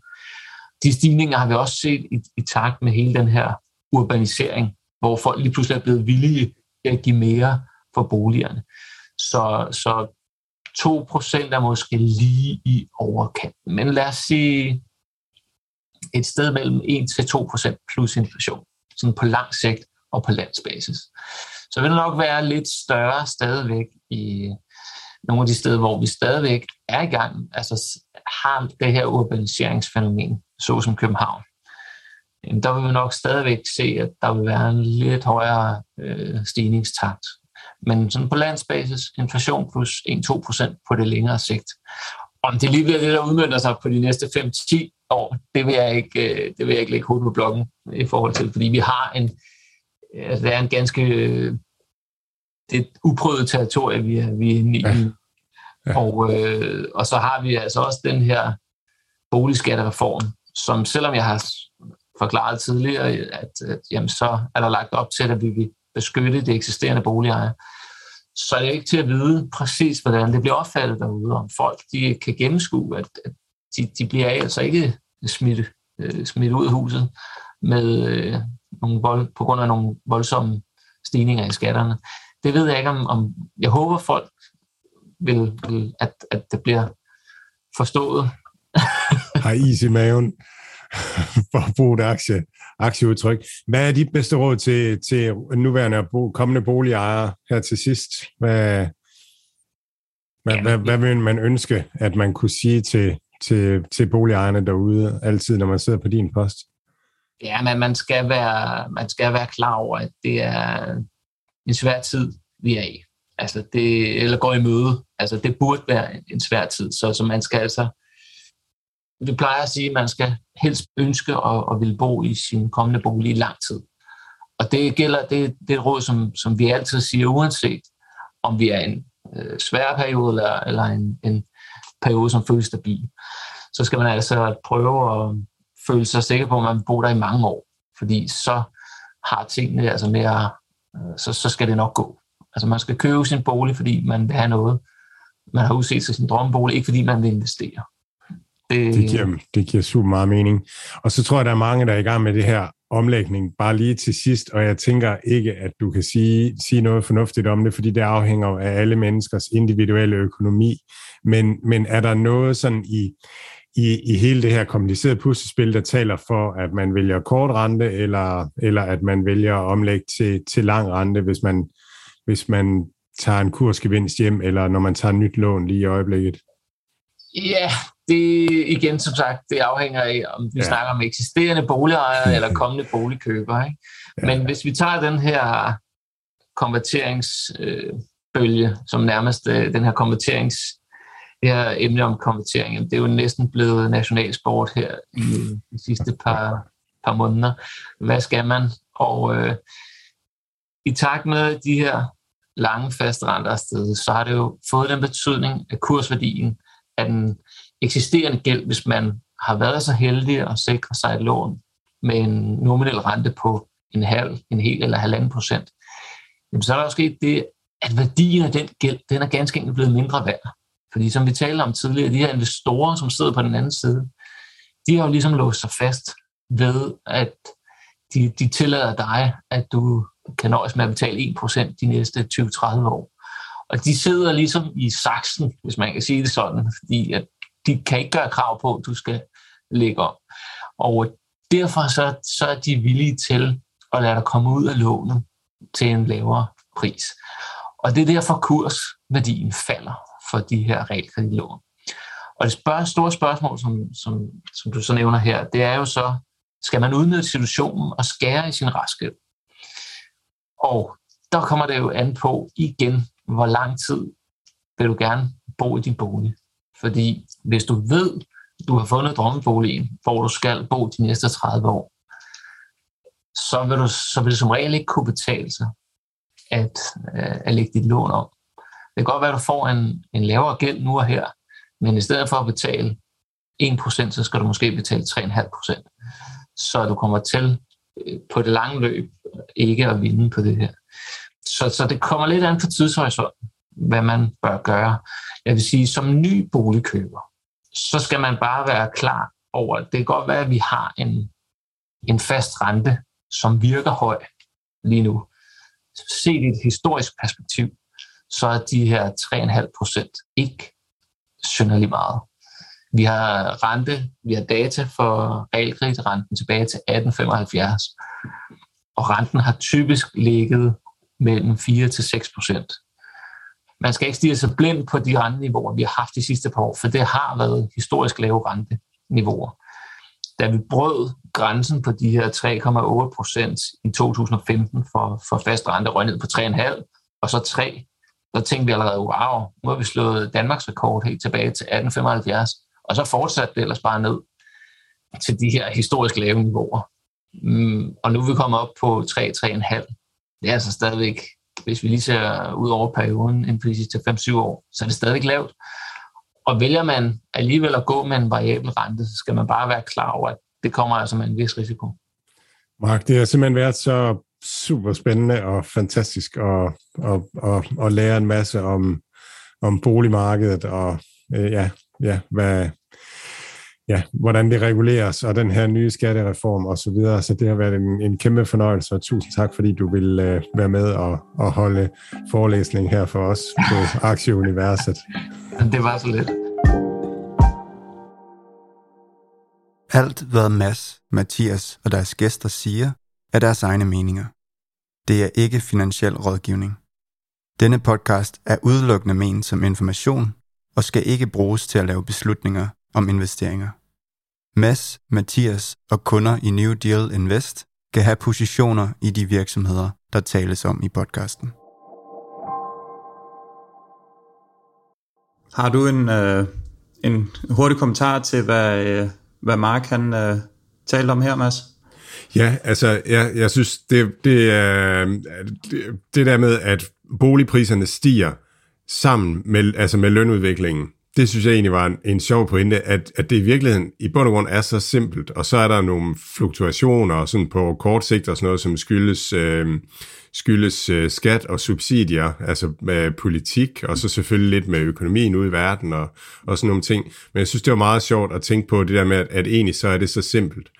Og så synes jeg, at at, at, at det, jeg, jeg tror, jeg fortalte om det sidste gang med, med Michael Saylor, der er, øh, der er chef for, for MicroStrategy, det her, han taler om, at hvis man så tager en 100-årig periode, så er boliger altså sten mere end inflationen. Øh, så, så på en eller anden måde, så den, den inflation, vi får at vide, den er, den er lavere end den inflation, der er på boligmarkedet, og så hvad er den reelle, reelle inflation? Men regeringerne, de vælger om det er broccoli eller blomkål, øh, som, som inflationstallene bliver, bliver lavet på, og det bliver løbende flyttet lidt, og, og der er i USA, der er man gået over til ikke at tale om boligpriser, men at tale om værdien af, af lejeindtægt i inflationstallet og sådan noget. Så det er sådan, inflationstallet er noget arbitrært, men, men øh, så, så Michael Sellers pointe er, at måske er boligpriserne øh, et udtryk, boligprisstigningen et udtryk for den reelle inflation. Og det er bare, jeg synes, det er en sjov tanke at køre rundt i hele det der. Jeg forstår det ikke 100%, men, øh, men spændende er det, synes jeg. Lad os hoppe en tur i swimmingpoolen af regnskaberne, og jeg, ja, synes, øh, jeg synes lige så godt, vi kan, vi kan starte ud med, med den her Hems and Hers, som, øh, som du lige har kigget lidt efter i, i sømmene. Hvordan så det ud? Jamen, det var et, et virkelig godt regnskab. Øh, deres omsætning er op med 94 procent, og deres abon- abonnenter vokser med 82 procent. Hims and Hers er en, er en virksomhed, som deres mission Um, our mission at Hims and Hers is to empower us all to live healthier and happier lives. Og det, man er gået i gang med, det er at lave en service, hvor folk får adgang til en læge, når de vil, øh, dag og nat, er mit indtryk, og så kan man få, handle, få behandlet hudproblemer, kønssygdomme, øh, sådan nogle ting øh, nu og her, øh, når man har brug for det. Øh, så, har man, så har man fået lavet en app, øh, hvor man kan det her, og så har man, er man i gang med at rulle ud sammen med Walmart, sådan at når man får lavet for eksempel en ordination eller et eller andet, så kan man hente det i, i Walmart, altså ved nogle fysiske øh, retailers, så man snakker omni-channel derinde, hvor man så er den digitale del af det, og så har man den, de fysiske channels med, med samarbejdspartnere. Så er man begyndt at udvide produktsortiment med sundhedsindhold, altså hvor man kan læse artikler om sundhed, og man kan sikkert også købe produkter om sundhed, og så er man begyndt også med hudplejeprodukter øh, og sælge det der via det der. Så hvis man får bygget den her platform, som folk tænker på, øh, de vil gerne være synonym med øh, sundhed og wellness, og de vil gerne have, at folk lever sundere og gladere liv. Hvis man får bygget den platform, det bliver jo en, virkelig en platform i, i tidens ånd, øh, som, øh, ja, som, som kan noget fedt. Øh, så så jeg, jeg synes, det er en super spændende øh, virksomhed, og de, øh, de vækster godt, og jeg synes, de har et produkt, som giver mening i, i fremtiden, så det er en af dem, jeg er super interesseret i. Deres price sales er en. Øh, så, og, wow. og, ja, og mange af den her type virksomheder, tror jeg, sådan intuitivt, når de er lykkedes og sådan nogle ting, altså jeg vil synes, at, at den skulle koste en price sales på en, en ja, er fire stykker, og, og tidligere for et år siden ville jeg måske have sagt 8 eller 10, eller sådan noget, så ja, så jeg, jeg synes, det er spændende. Det er en af de, det er en af dem, de virksomheder, jeg har taget en lille position i, som, som jeg tænker kan blive sjov på lang sigt.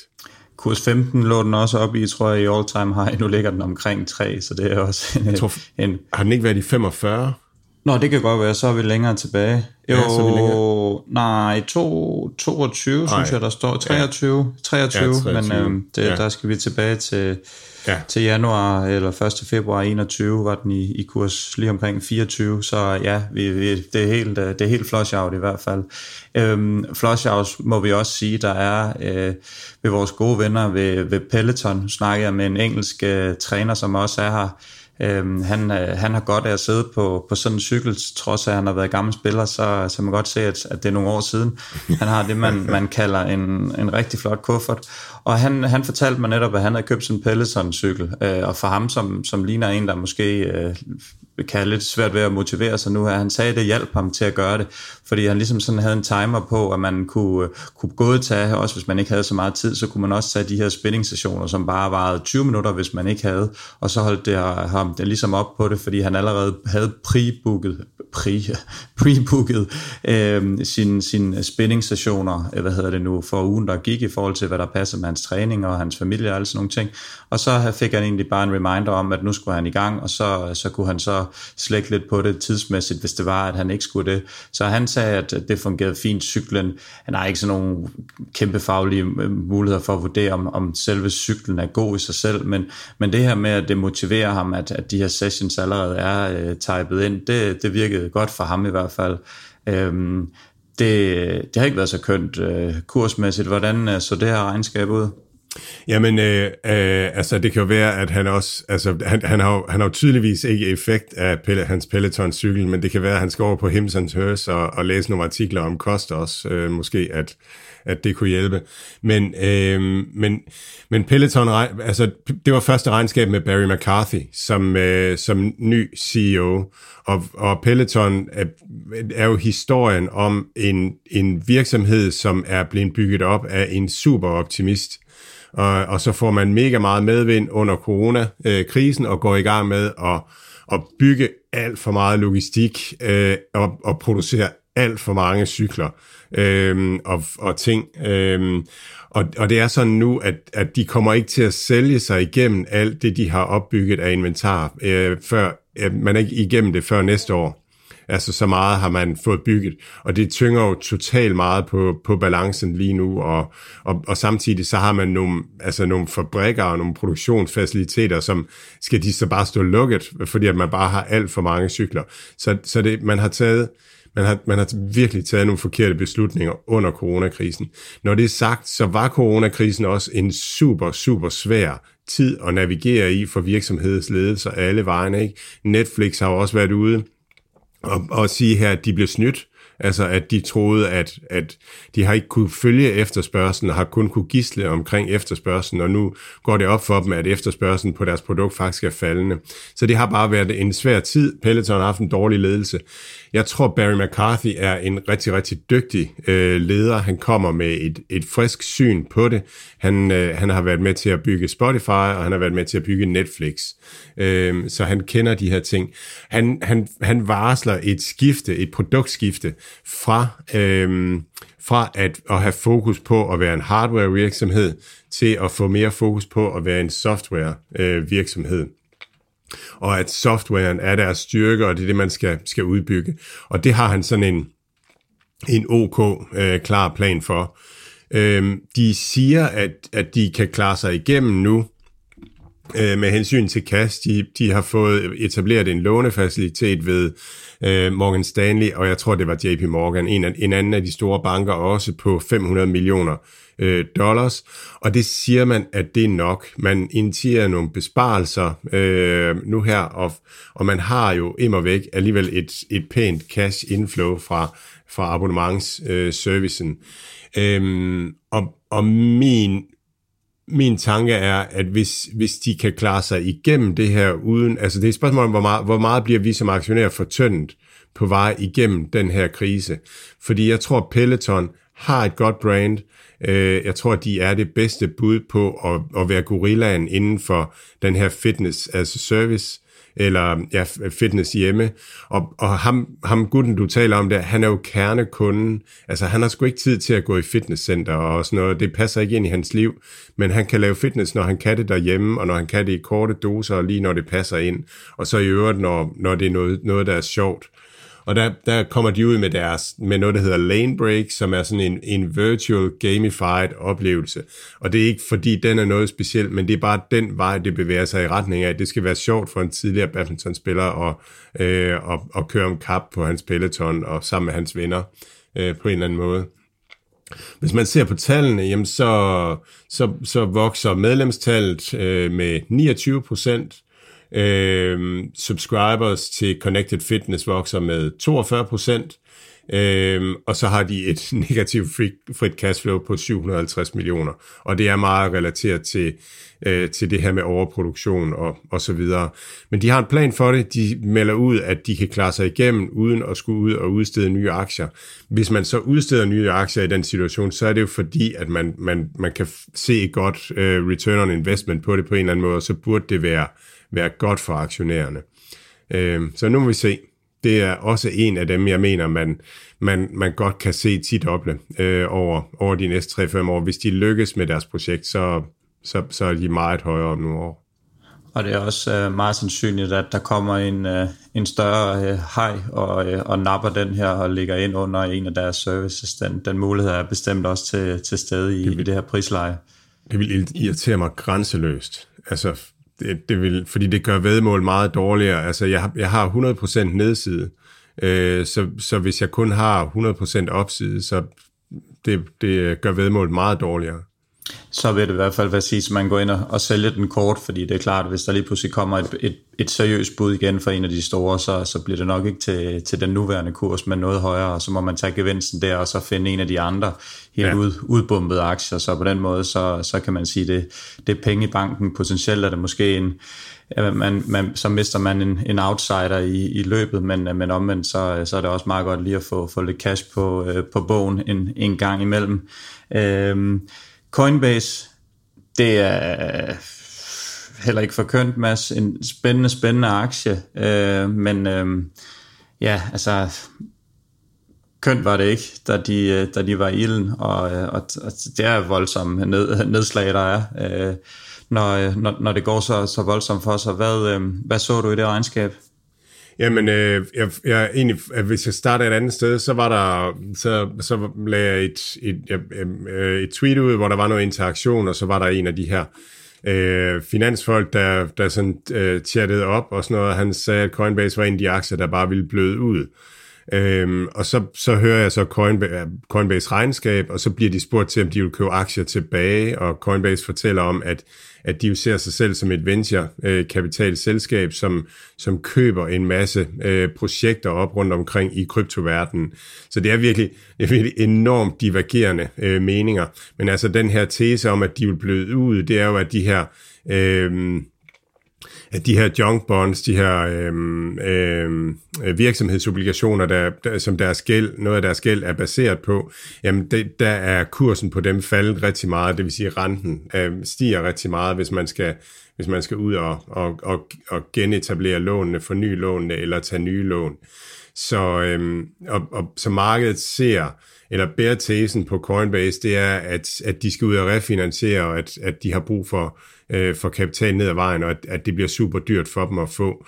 Og det, jeg, kan ikke, øh, jeg kan ikke overskue, hvor meget øh, hvor, meget de, hvor meget frirum de har i deres øh, venturekapital øh, portefølje. De ejer jo en, en del af en masse forskellige øh, selskaber, øh, og de kan også lade være med at købe ind i nye og sådan nogle ting. Så der er nogle forskellige muligheder.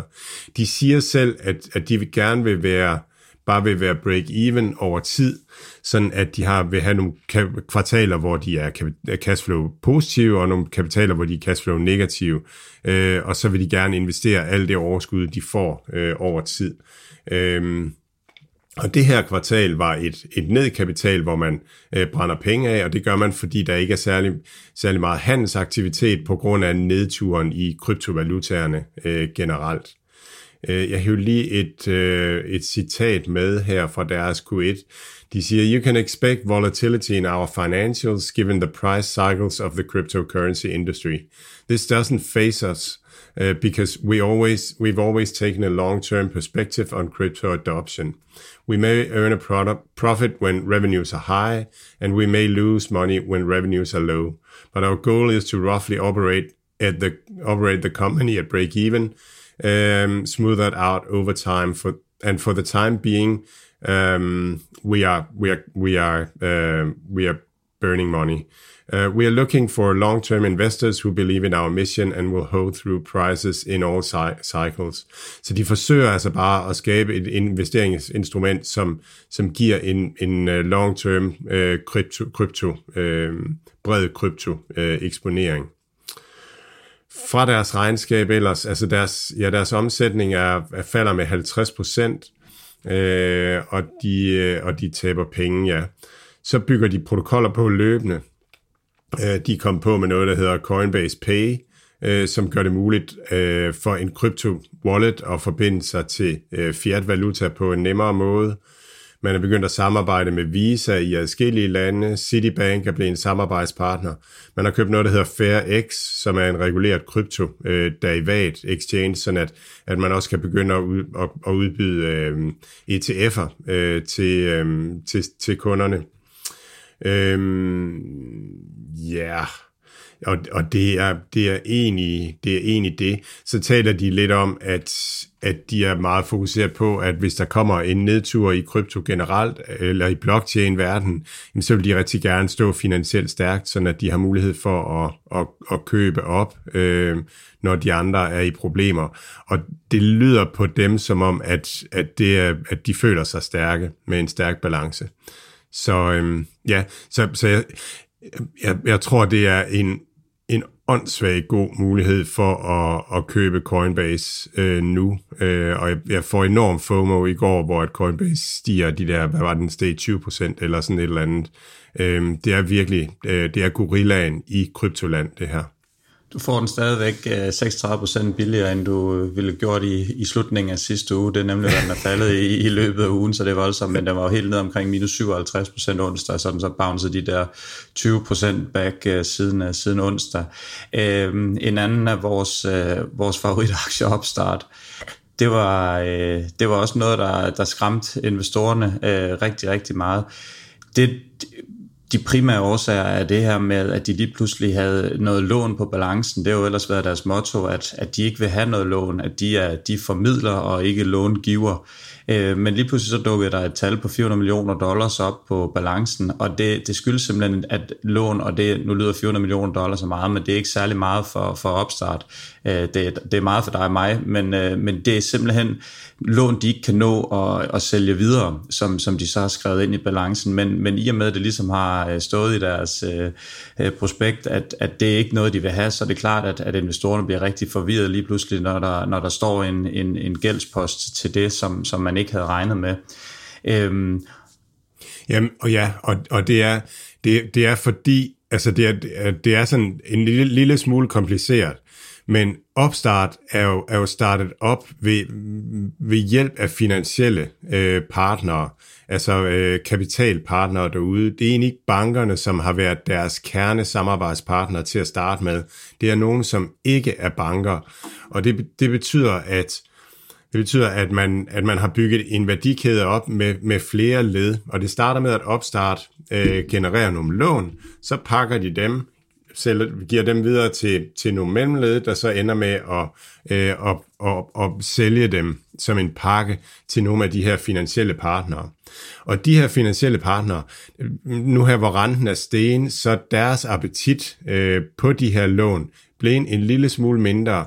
Så det vil sige, at hele den her proces kører en, lidt langsommere, og det betyder, at opstart lige pludselig ender med at have nogle lån på balancen øh, i nogle tid, fordi at det tager lidt længere tid at, at, at få, øh, få, det, få det solgt videre, fordi appetitten ikke er så stor.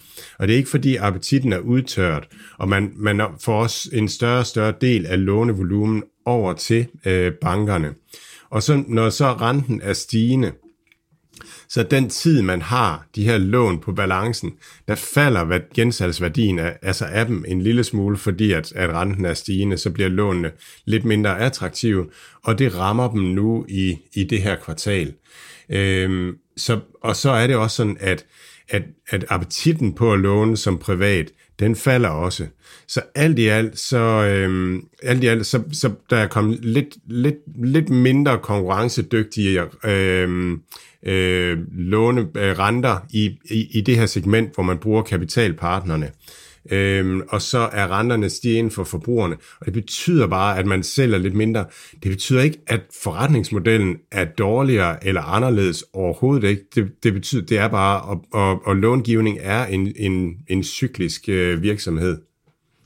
Og som, som øh, den anden problemstilling, der er lidt af med det, det er jo også, som, som investorerne spår lidt tvivl ved, det er, om den her AI, deres algoritme, den, den rent faktisk holder, når de her renter stiger så, så kraftigt, som vi ser det gør i øjeblikket. Og der har været lidt, lidt udsvag og, og vist en lille smule usikkerhed, om den kan stå distancen. Og så som du helt rigtigt siger, jamen ved højere renter, om det er ved opstart, eller du går ned i den lokale bank, hvis inflationen stiger, og der er højere renter, jamen så, øh, så, så er din formue mindre værd, og din belåningsgrad bliver meget mindre, så købekraften er, så øh, nu kan du ikke længere gå ned og købe øh, den nye den nye Toyota Aygo, øh, Mads, nu skal, du, øh, nu skal du ned i en gammel øh, Ford K for 98. ja. så, sådan er det hele vejen rundt, og det er uanset om det, det er et, fy, et fysisk lån, når jeg snakker om fysisk lån, så snakker vi om det klassiske lån med, at man skriver en mail til sin bankrådgiver, og eventuelt bliver kaldt ned og, og skulle finde ud af det, eller man ansøger på, øh, på opstart.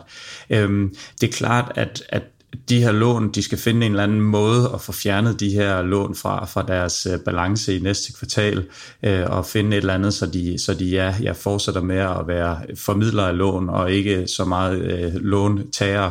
Men øh, må ikke, at de også øh, de arbejder på nogle løsninger for at gøre investorerne lidt mere rolig, så de kan komme tilbage til deres øh, kerne, øh, kernekompetencer.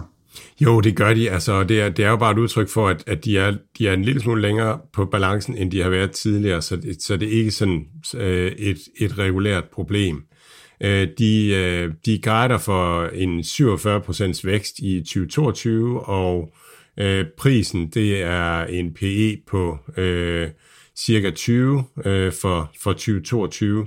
Øh, og så Ja, så, så, så med hensyn til auto, øh, der går det vildt godt. Altså, de, øh, der kommer virkelig mange. Øh, virkelig, der er god vækst i autosegmentet, det giver rigtig meget mening. Man har mikrolån i øh, beta, og, og regner med at launche den øh, allerede i år.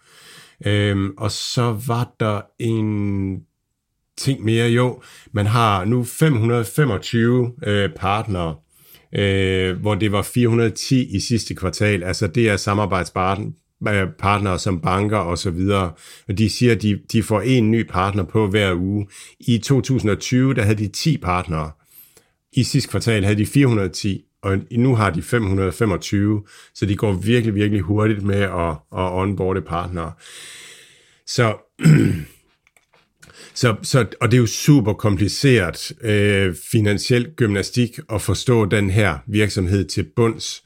Altså, så jeg tror, man skal regne ind, at der er en risiko for, at det bliver et nul. Men, men hvis, hvis det her lykkes, og hvis de ligesom får, får vendt det her til normal gænge og så videre, så det her er også en af de aktier, jeg tror kan være gange 10 minimum om, om, øh, om 2, 3, 5 år. Øh, og, og måske også væsentligt mere, hvis det er, at auto også lykkes, og hvis mikrolån også lykkes, og hvis de her frygter her er, er ubegrundet, så kan vi sagtens have gange 20 i forhold til, til den her aktiekurspris. Og så bliver bettet bare asymmetrisk så skal du, for at, at det, lad os sige, at, at middel er, er en, lad os sige, middel er en femdobling, så skal du være, for ikke at tage det her bet og købe aktien nu, så skal du være 80% sikker på, at de går i nul. Ellers er det et godt bet. Så det, det, det er den type matematik, som vi er ude i lige i øjeblikket, og det synes jeg er super interessant. Unity, de har også øh, smidt øh, tallene på, øh, på, på bordet, og øh, ja, jeg ved ikke, om du prøver at sætte et par ord på, det var jo jo, heller de specielt Altså, de nedjusterer tallene. De har fået, øh, de har fået noget forkert øh, data, fået øh, proppet noget data forkert ind øh, i deres operate-system. Øh, og det, øh, de har de har sådan en, en, øh, en pointer, øh, som, som, som kan noget af det, som, som Apple kan med reklamer, med at sørge for, at reklamer rammer de relevante øh, forbrugere, øh, og det har de bygget ind i deres operate-system, og deres algoritme er så blevet fodret med noget data, som, som ikke er, er, er rigtigt, og, og ligesom har, har trænet algoritmen forkert, og det betyder, at pointer ikke pointer særlig godt. Og det opdager man i løbet af kvartalet øh, ved, at, at de data, der kommer ud, og de tal, der kommer ud, ikke er, er særlig gode. Øh, og, så, øh, og så går man det efter og, og finder den her fejl. Og det skal man have rettet. Det, det, øh, og, og det retter man så.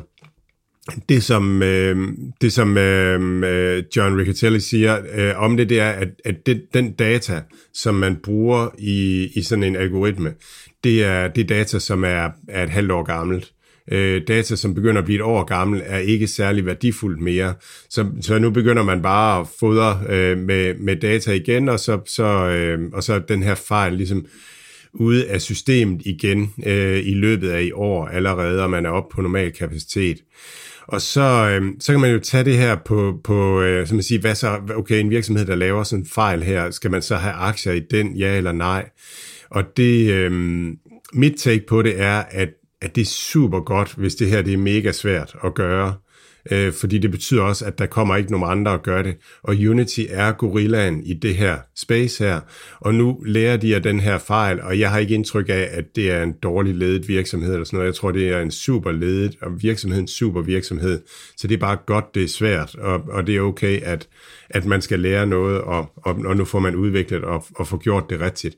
Så jeg tror bare, at, at at på lang sigt tror jeg egentlig, det her er, er super fint. Man mister, man mister nogle, nogle millioner dollars i omsætning nu, men for den langtidige indtjening betyder det her ikke noget, øh, som jeg ser det. Så det her er bare en kæmpe købsmulighed, at markedet vælger at sende den ned på baggrund af, af det her. Øhm, så jeg tror, at, at Unity kommer til, at de siger de selv, de kommer til at vokse med over 30 procent i, i mange år øh, fremadrettet. Og det gør de, fordi, som de siger, We believe we are in the early innings of one of the largest transformations in tech, the move to real-time 3D. Og det er det her med metaverset. Det er, det er real time, og det er, at vi er sammen. Og det, er, og det skal simuleres. Øh, og det er, det er Unity en af, en af en, en, det er Unity en strukturel virksomhed inden for at gøre.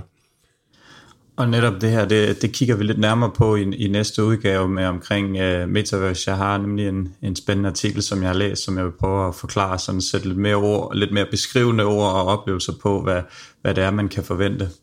Ja, og så den sidste ting med, øh, med Unity, det er, at deres, øh, de har ligesom to ben operate af det her, hvor man hjælper virksomhederne med, mm, altså øh, som en, stru, en stru, infrastrukturpartner, hjælper med, med at drive reklamer og, og, og, og, og masse ting.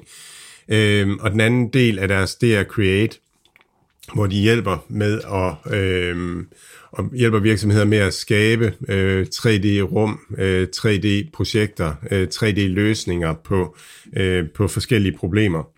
Man samarbejder med Lockheed Martin, hvor at man lige så stille har udbygget samarbejde til, til flere og flere øh, funktioner, simulationer af forskellige ting. For eksempel så er der øh, flydele, man ikke behøver at teste på samme måde i en vindtunnel mere. Man kan teste dem øh, øh, virtuelt øh, via, via Unity, så man håber, det er de rigtige data, de fodrer den med der. så, men ja, nå, ja, ja. øh, og, så, og så og, så, og så er man også i gang med luxury brands, øh, hvor man kan, kan vise deres produkter, ligesom man kan over på Snapchat og sådan nogle ting. Så det er en strukturel virksomhed, som, øh, som jeg tror, man skal have i sin portefølje. Det bliver fandme med noget af en øh, løbetur, vores lytter skal ud på i, øh, i skoven i dag. Øh, hvad hedder det nu, men vi har lige... Øh, det vi har lige ham, to... din, øh, din ven der, han også Ej, det skal, så, skal, han skal tage den løbetur også. Nej, det, det, det, skal han helt sikkert ikke, for så er der, så er der kollaps i hvert fald, så skal brænde en øh, sted. Hvad hedder det? Øh, vi skal lige hurtigt forbi Olo og, og Kaupang. Øh, Olo synes jeg bare, du skal lægge, øh, lægge for med.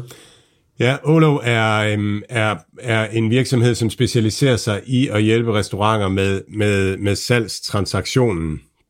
Jeg har talt lidt om det tidligere, men for eksempel McDonald's øh, samarbejder Olo, Olo med, og så kan du så kan du på vej hjem fra arbejde tænke, det er ham, ham din øh, trænerven der, han tænker, jeg skal have, jeg skal have, have McDonald's øh, til aftensmad, for at jeg har kalorier til min Peloton øh, 10 minutters tur. Øhm, så så han, han kan bestille, øhm, inden han kører fra arbejde, hvad han gerne vil hente, og hvornår han gerne vil hente det.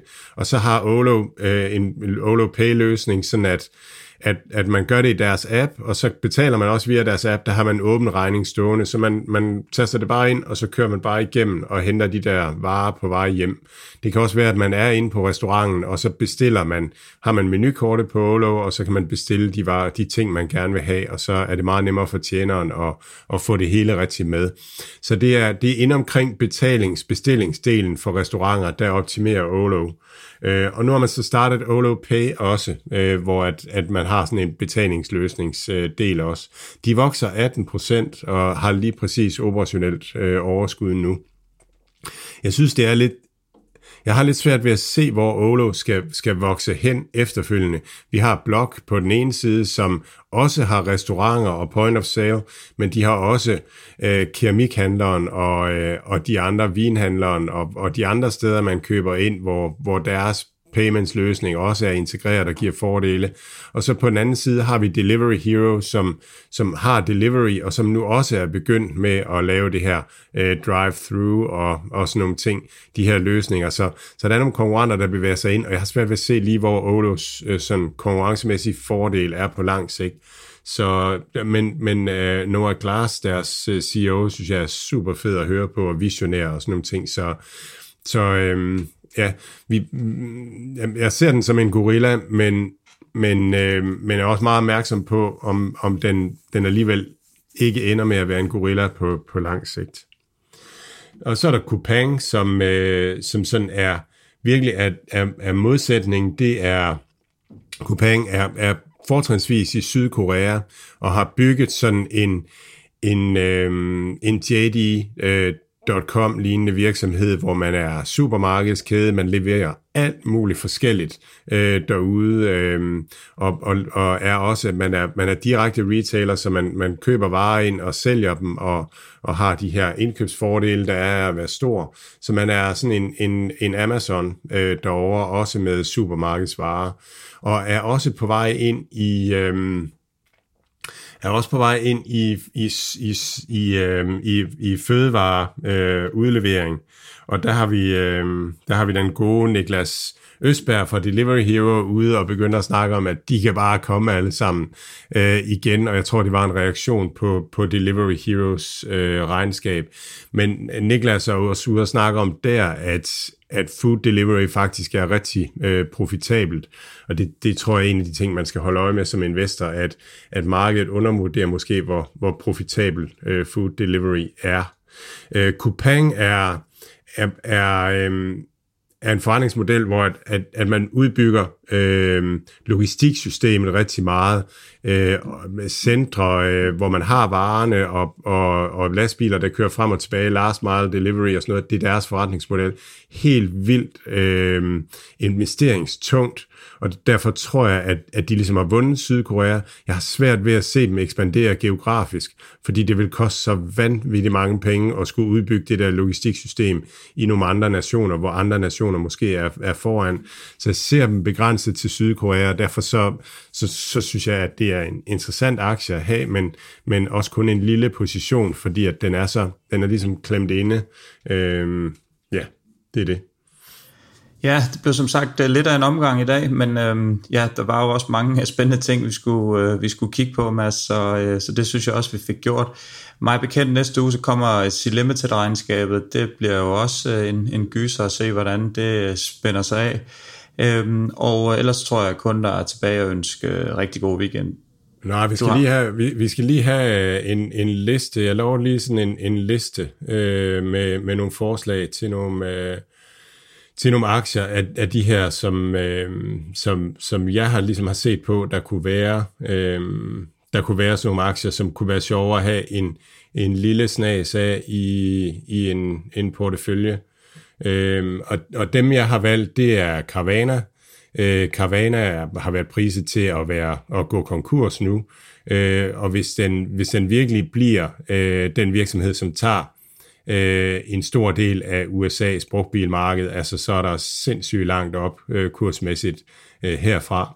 Opstart øh, er, er også klart en kandidat til sådan en, en, en der, kan, der kan fordobles mange gange. Open Door øh, kom med et sindssygt godt regnskab, og, og er, er også priset til at gå ned og bare falde på det. Øh, Øh, og er en af de virksomheder, som, som de her, der kigger regnskaber, de siger, at den bløder ud. Øh, så er der Peloton, har vi talt om, øh, synes jeg også er interessant. Unity, synes jeg også er interessant, specielt her efter øh, prisnedgangen. Øh, Delivery Hero, synes jeg er, er også er meget, meget interessant. Det, det farlige ved Delivery Hero, det er, at der er så stor en del af omsætningen, der ligger i Sydkorea øh, netop hvor vi har Coupang. Men, men ellers så undervurderer markedet fuldstændig, hvor profitabelt udbringning af pizzaer er, og hvor profitabelt øh, deres reklamevirksomhed kommer til at være. Og DoorDash øh, ser jeg på fuldstændig samme måde. Øh, Coinbase er, er vildt interessant her. Galaxy Digital, øh, den her Morgan Stanley virksomhed, som øh, som, som kun arbejder inden for Morgan Stanley-agtige virksomhed, men inden for kryptospacet, øh, kanadisk, også har handlet meget ned, måske på grund af Luna-tingen øh, her, men også bare generelt krypto-setbacket. Så er der Silvergate øh, Bank, øh, som jeg talte om med, øh, med Facebook øh, stablecoin-projektet, som de har overtaget. Sea Limited ser også i den her kur, Mercado Libre det samme. Hello Fresh Group, og så Good Food, øh, som også er priset til... Øh, til at man er 80-90% sikker på, at de går konkurs. Øh, og de har, de har bare satset på det her quick commerce space, som, som rigtig mange er vilde med i øjeblikket, men ikke hvis det er good food i, i Canada. Så hvis de lykkes med det, så er der også øh, virkelig, virkelig langt op, øh, upside her. Så spændende tider, og det jeg har gjort med de her aktier, det er bare en lille position i frie midler, som, som jeg kan lade stå rigtig længe øh, og på den måde forhåbentlig få skubbet en masse skat ned ad vejen. Tak for i dag, Mads, og øh, på genhør næste uge. I lige måde.